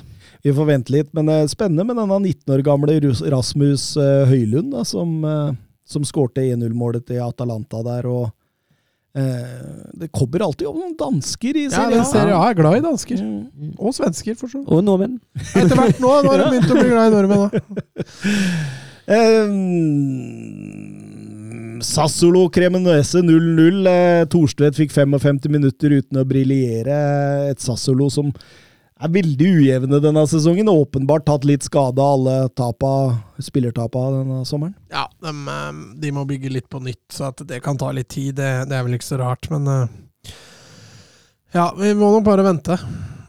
Vi venter, og så gratulerer vi Atalanta med foreløpig tabelltopp i eh, Serie A foran Napoli og Milan på tredje. Vi går til Ligue Ø. sur la frappe de Messi de De de Mercado, Mercado, et, et là aussi on a un petit peu de réussite. Griezmann sur l'appui, c'était bien joué avec Giroud. Oh, Zidane Sylvain Oh, Sylvain, il l'a vu Oui. Kylian Mbappé Kylian Mbappé, il l'a vu Ça fait 4 Et ça fait peut-être un quart de finale pour l'équipe de France 68e minute Oh, la joie collective parce qu'ils ont tous jailli du banc pour aller saluer cette passe décisive géniale de Giroud et ce doublé pour Kylian Mbappé I Ligue Ø så åpner vi som vanlig med Paris Saint-Germain, og de var på bortetur i Nantes. Vi kan, vi kan begynne med det et tweetespørsmål her, siden de var på bortetur. Eh, eh, Oskar Carveio Holm ønsker våre tanker rundt dette med at Mbappe og Galtier svar på hvorfor de tok privatfly fra eh, Paris til Nantes med tanke på klimautfordringene og sånt, og hvor de da ender opp med at de begge flirer og gjør litt narr av denne journalisten som spør dem et, et eh, for han i hvert fall alvorlig spørsmål. da. Eh, hva, hva, Jeg, jeg tenker jo fokuset deres er, er på feil sted, og så blir de sikkert tatt litt på senga. Det er ikke vanlig å få spørsmål om sånt på en pressekonferanse, så Men måten de håndterer det på, er selvfølgelig fryktelig svakt. Uh, hvis vi skal være litt moralistiske, så, så burde man svart litt, litt ordentlig. Altså sagt at eh, altså, vi må forberede oss på best mulig måte, og det, denne gangen var det å ta privatfly. Og ikke begynne å le, for det ser ikke bra ut. vet du. nei, for det blir jo litt sånn omdømmemessig litt sånn vi er store og rike, vi gjør som vi vil. Og det, det er jo ikke akkurat det er, ikke det, altså, det er jo akkurat det omdømmet PSG har fra før. Ja, ikke sant? Det er det jeg mener. Så, så skal man selvsagt ha respekt for forskjellige meninger og sånt. Det, det, det er jo ikke alle som har kjøpt dette klimakrisa-budskapet, så, det, så det, åpen, det kan godt hende de mener at dette bare er tull øh, for alt, og så sitter de og ler av det, men, men samtidig, det er litt sånn lite musikalsk og Ja, lite, altså- lite lite gjennomtenkt. og altså kommer vi i tillegg at det har vært eh, Det har vel vært eh, sånn rekordhet og rekordtørke nå i, eh, i Sentral- og Sør-Europa nå i løpet av sommeren. Så Mm. for, for mange franskmenn er jo dette her veldig eh, nær, tenker jeg. Ja, ja. ja det, det, er lite respekt for de som bryr seg, da, tenker Ja, helt jeg. enig. Og Det, men men eh, når de likevel tok privatfly til Nant, som ville tatt en og en halv time med tog, eller hva det var, så, så, så gjorde de vel reint bord der, Mats. De fikk eh, tidlig god start der, og, og når Nant i tillegg blir redusert, så så var det vel ikke noe vei tilbake. Da. Men det er også strekk i det landslaget. De rommene som PSG får sentralt. Altså det- Du, du, du ser de prøver Ja. å legge seg litt dypere etter Fabio for rødt kort Ja. her, men, men, Nei, men det slipper opp, vet du. Og det, nei, det er, det, det, det er jo enkelt eh, for PSG, det der. der. De styrer jo dette inn. Uh, Flirer jeg litt altså, hvordan skal man som Nam-trener Jeg tenker på Komboare der. Altså, når han går til pause har prøvd, det har ikke funka. Han ligger under 0-1. Man er ti mann mot eh, kanskje et av verdens beste kontringslag. Eh, det, er, det er jo ikke lett heller, det er jo et dilemma. Ja, At de kommer derfra med 0-3, jeg syns ikke jeg synes det er greit. Sånn resultatmessig så, så står det på en måte til OK, med tanke på at du er en og en halv omgang med en mann mindre. Og PSG stilte jo, selv om ikke Neymar var med, så, eller kom vel inn, men så kommer de greit fra det. Mm. Ja, ja, for all del. Eh, smeller godt rundt øra på Lafant på, på slutten der, men, men det, det holder med 0-3. Og, og Kylian Mbappe gjør to nye eh, mål. Eh, Oppda har funnet tall etter mål eh, Tall på mål etter overgangsspill i topp fem-ligaene etter Mbappes league 1-debut. Og der har Mbappe 30 mål etter overganger, mens de neste på lista er Sala og Vardy med 15 hver. Ja, det, er, det sier jo veldig mye, da. Det sier veldig, Det sier veldig mye, men nei, altså Mbappe er jo en ultimat kontringsspiller. Han er en atlet. Fy Ja. fader, og det ser eh, Altså, må, løpesettet hans er, er per, Han kunne vært 100-meterløper òg, tror jeg. Mm. Altså hvis den hadde satt Jeg skjønner at du kan ikke dytte han inn der nå, men, eh, men hadde han satsa. Fordi det løpesettet der, det, det er mye kraftig, altså. Absolutt. Eh, Marseille tok eh, også en grei 0-2-seier borte mot Auxerre etter mål av Gerson og eh, Alexis Sanchez. Eh, eh, fått en bra start, Marseille, nå. Eh, nok en gang eh, henger litt på der. Ubeseira på de første seks. Eh, Han har jo A-poeng med PSG nå, faktisk. ja, så, så, så Leder vel 3-0 mot Tottenham nå, tror jeg. Nei, ikke, ikke kødd nå. Men Igor Tudor, han, eh, han, ja, han viderefører det Sampaioli på mange måter eh, dreiv med. Ja, men vi har vel vært positive til Igor Tudor òg, etter det han drev med i Serie A. Så, så at vi, vi var jo positive før sesongen at dette var en spennende trenersignering. Eh, føler vi for så langt har truffet bra på det. Og han, eh, han viser nå at han, han har noe der å gjøre i, i en, det som er egentlig en veldig vanskelig klubb å trene. Altså.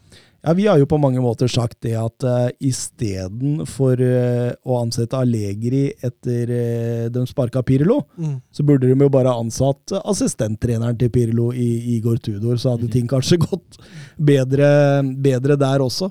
Um, Lyon Anger 5-0. Lyon, Lyon fortsetter å imponere under Peter Bosch. Og jeg så, et, jeg så en pressekonferanse med Peter Bosch nå.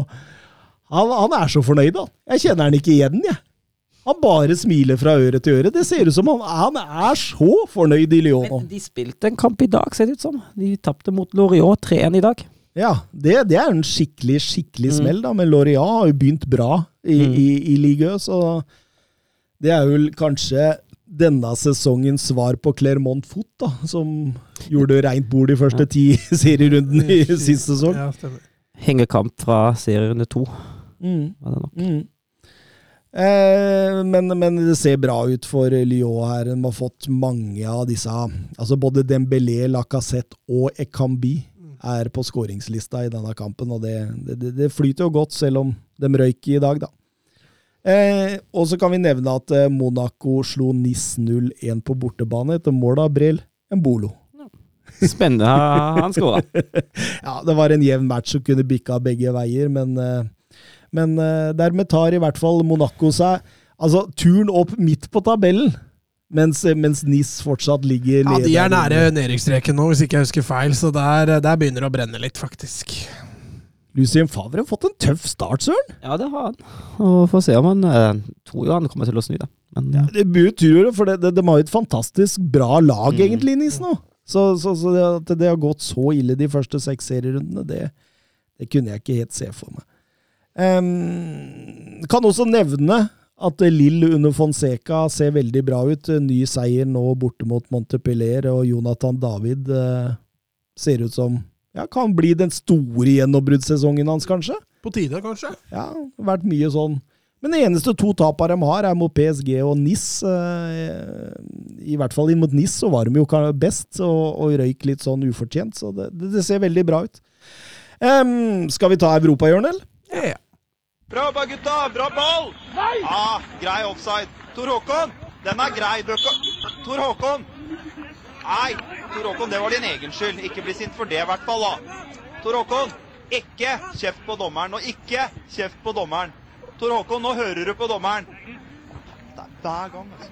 Hver gang. er det der. Vi kan begynne med et eh, spørsmål fra Benjamin Norway. Ønsker at vi skal snakke om Mikhailo Mudryk. Han har jo stilt dette spørsmålstegnet, eh, eller spørsmålet tidligere, men etter eh, han var med å senke RB Leipzig i går med ett mål og to assist, så så henviste han til en Twitter-post eh, hvor det hevdes at han er den ukrainske Neymar, og ja, det er spennende spiller for all del. Mm. Litt uprøvd ennå på den internasjonale scenen, men det er klart mm. Leipzig også er jo ikke den målestokken, så det blir spennende å se når de Åh, Hvem er det storlaget i den gruppa der? Real Madrid. Real Madrid. ja. Skal bli spennende å se hvordan han håndterer det. Ja, var, var jo linka til både Leverkosen og Arsenal i sommer. Mm. Eh, venstrekant, sånn innoverkant. Eh, eh, jeg Hvis han skal bytte klubb nå, så, så, så ville jeg gått til Bundesliga, jeg hadde vært han. Ja, det er jo en uh, liga som er kjent for å utvikle talenter. Og det er jo det, Han er jo uferdig. Han er, han er ja. litt uferdig, men ekstremt spennende. Så det, det, det blir gøy å følge med på videre nå i Champions League-gruppespill, i hvert fall. Mhm. Veldig lite seriefotball jeg ser av Shakhtar, jeg må Ja, innrømme det. ja, nei, det går som regel eh, over huet mitt. Ja. Du- Vi finner sikkert noen streams der òg. Eh, Anders Hansen eh, han har jo noen spørsmål angående Eliteserien, og da kan vi jo smette det inn sammen med Mats sin eh, Ja, du må igjennom en sånn Nei, jeg tror ikke Lillesund spilte i helga. Nei, vi, vi glemmer det, ja. Jeg tror de, jeg tror de sto over den helga, faktisk. Mm, mm. Jeg tenker meg om. Men da svarer vi Anders Hansen, i hvert fall, da, ettersom eh, mitt Sandefjord aldri har rykket ned senere enn juli, og det var aldri snakk om noe annet eh, at det skjer. Hvordan takler man egentlig nedrykksdepresjoner? Nei, det var jo Så ser du på Dupker. Ja, men 2019 var tøff. Det lille som rykka ned. Ja, jeg tenkte på Eh, Wolfsburg nå, jeg. Nei, det, det Wolfsburg har Wolfsburg har Vi har ikke gravd dem ned enda, enn, en så lenge har Wolfsburg aldri rykket ned fra Bundesliga, så bank i bordet, men uh, Det sa Lillestrøm òg. mm.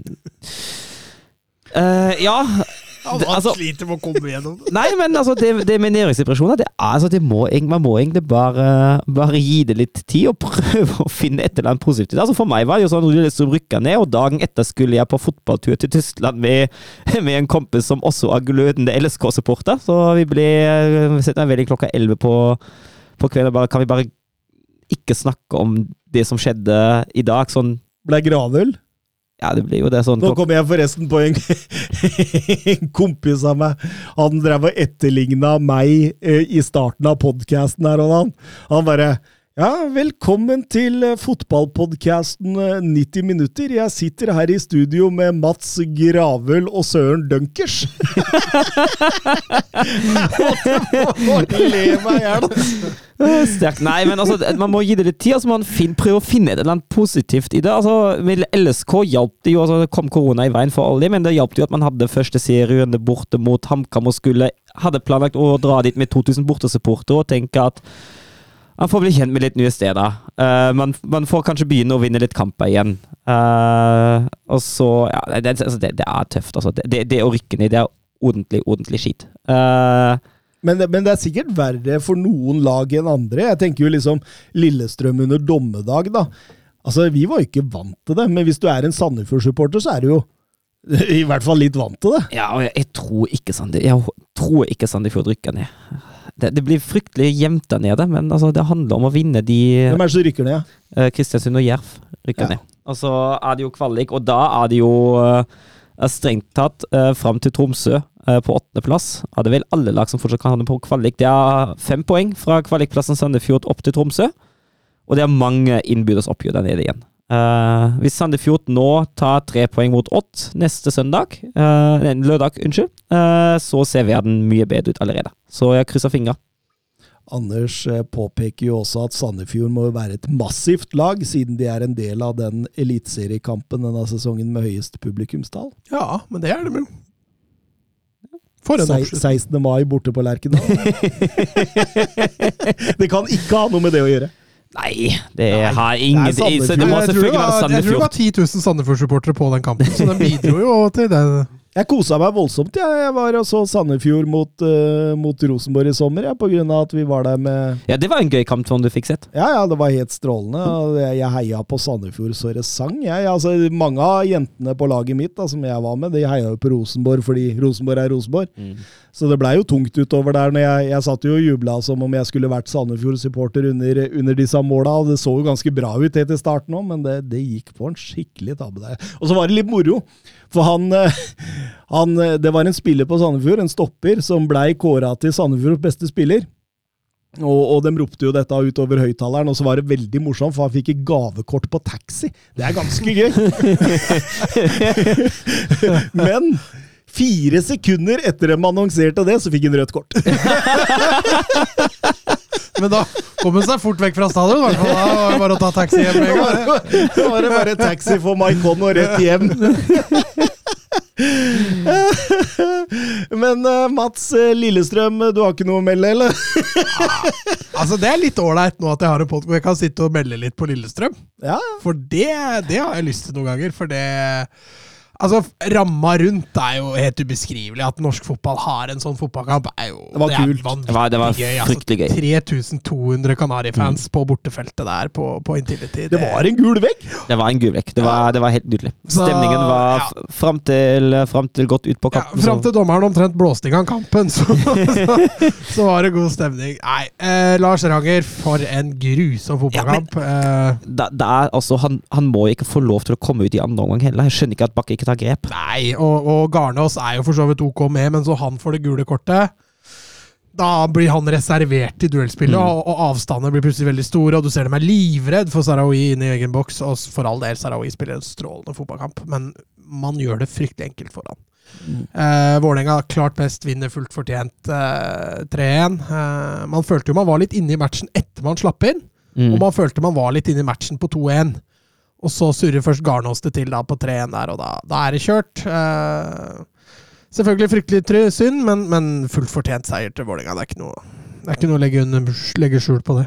Husker jo i fjor, når de møtte Vålerenga. Da var det Dønnum som herja, og men da klarte de liksom å få med seg et poeng. 2-2. Leder jo 2-0.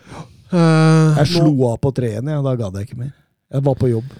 Du gikk ikke glipp av så mye? Nei, jeg tror ikke du gikk glipp av så mye. Men, og denne gangen var det Sarawi som, som herja. Eh, men eh, ja, igjen. eh, skuffende at eh, når det mobiliseres, at, ikke, at man ikke greier å få noe bedre ut av det. Jeg veit at, at Bakke og dem har fått litt tyn for å gjøre for få bytter. Og, gjøre, og, for seint. for mer. For seint, også. altså. Jeg syns grepene tas for seint.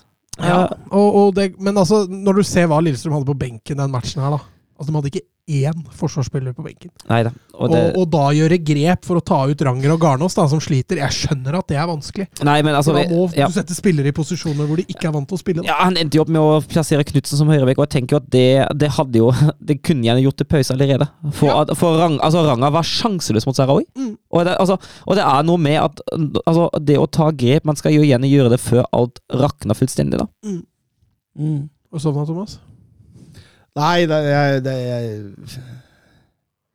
det var litt trist, den kampen. Ja, det var Nei, vi kan gå videre før stemninga blir dårlig. Ja, nå har Søren har vel Ajax. Ja, Ajax. Og de møtte Kambor på hjemmebane. Og selv om Kambor var bitte lite grann frampå i starten av kampen, var jo dette Altså, i store deler av kampen var elleve spillere plassert i egen tredjedel, uh, og så var det det var litt det det, går, det gikk i, da.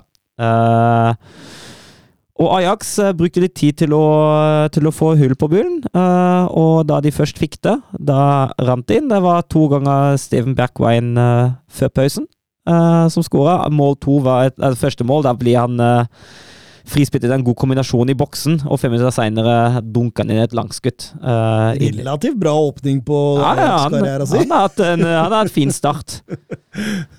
Og så er det, det Rencho Kodos som skåra to til, og Kodos har sett, eh, har sett god ut i den kampen. der, Og det blir en fullfortjent uh, 4-0-seier til Ajax, og en, eh, det er en kamp de skal vinne på hjemmebane òg. Det som kanskje er litt viktigere for Ajax, det kan nesten uh, er det som skjedde i Enskede. Uh, for da spilte Tvente mot PSV, og Tvente slo PSV 2-1. Oi.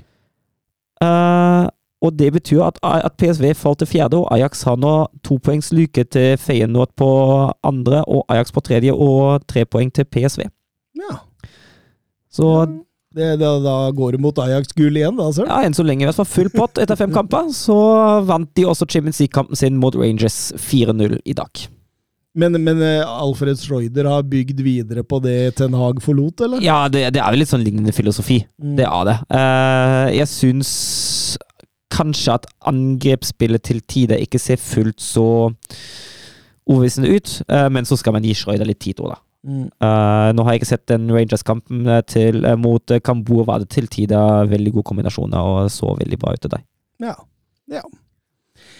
I Liga oss og Benfica de møtte Vizela, og det var jo egentlig fullstendig overlegne fra start til slutt. Men etter eh, ca. 20 minutter setter Milutin Osmanic inn 0-1 på en overgang.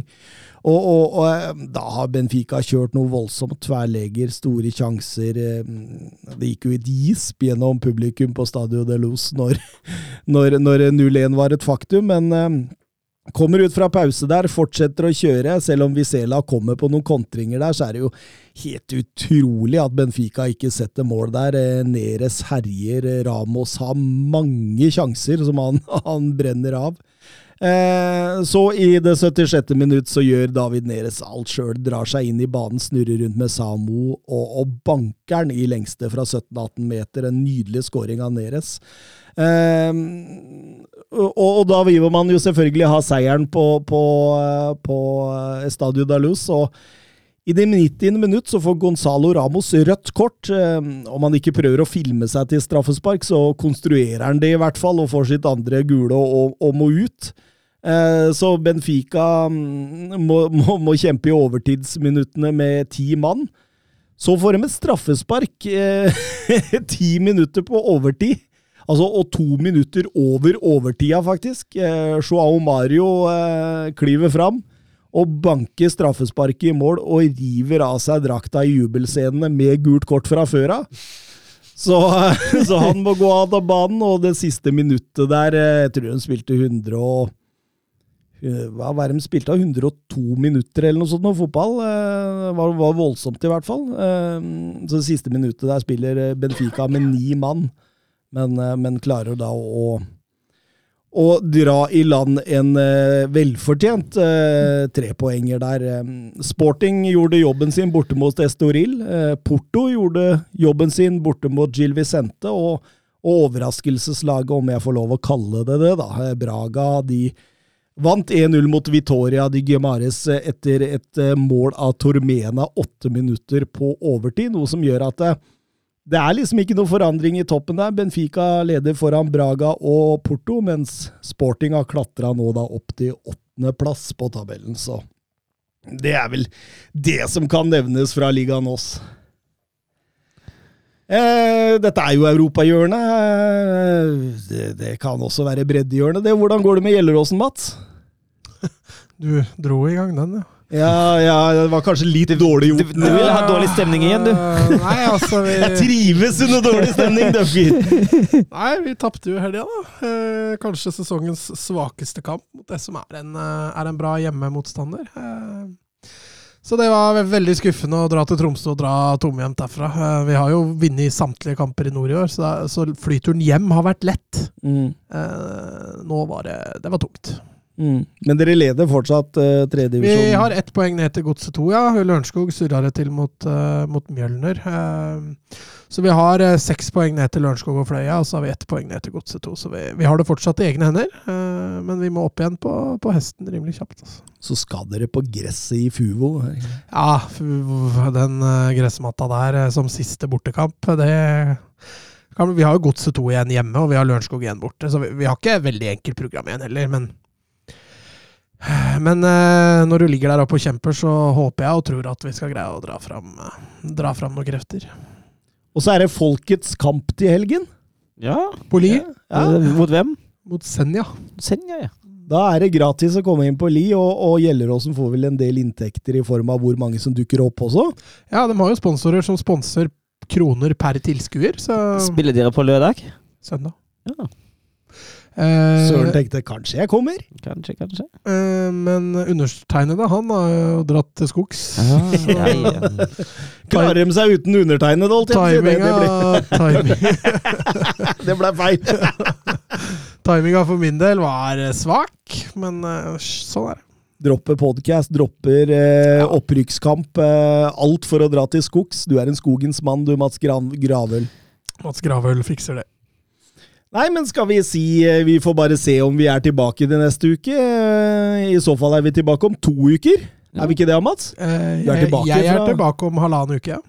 Ja, altså, vi, vi, vi, det, det går uansett an å spille podkast eh, tirsdag om to uker. Det går alltid et tog, ja. Ja. Da er vi i hvert fall tilbake da. ja, det er bra. Og så skal jeg løpe hjem og se Tottenham eh, mot eh, Marseille. Ja. Og du skal løpe opp og se Jeg må gå Barcelona. tur med den jævla bikkja først, da, men så, Ja, så, så, vent på meg. Eh, ja, da må du være kjapp. Greit, du. Ha det. Adjø. Ja, det. Messi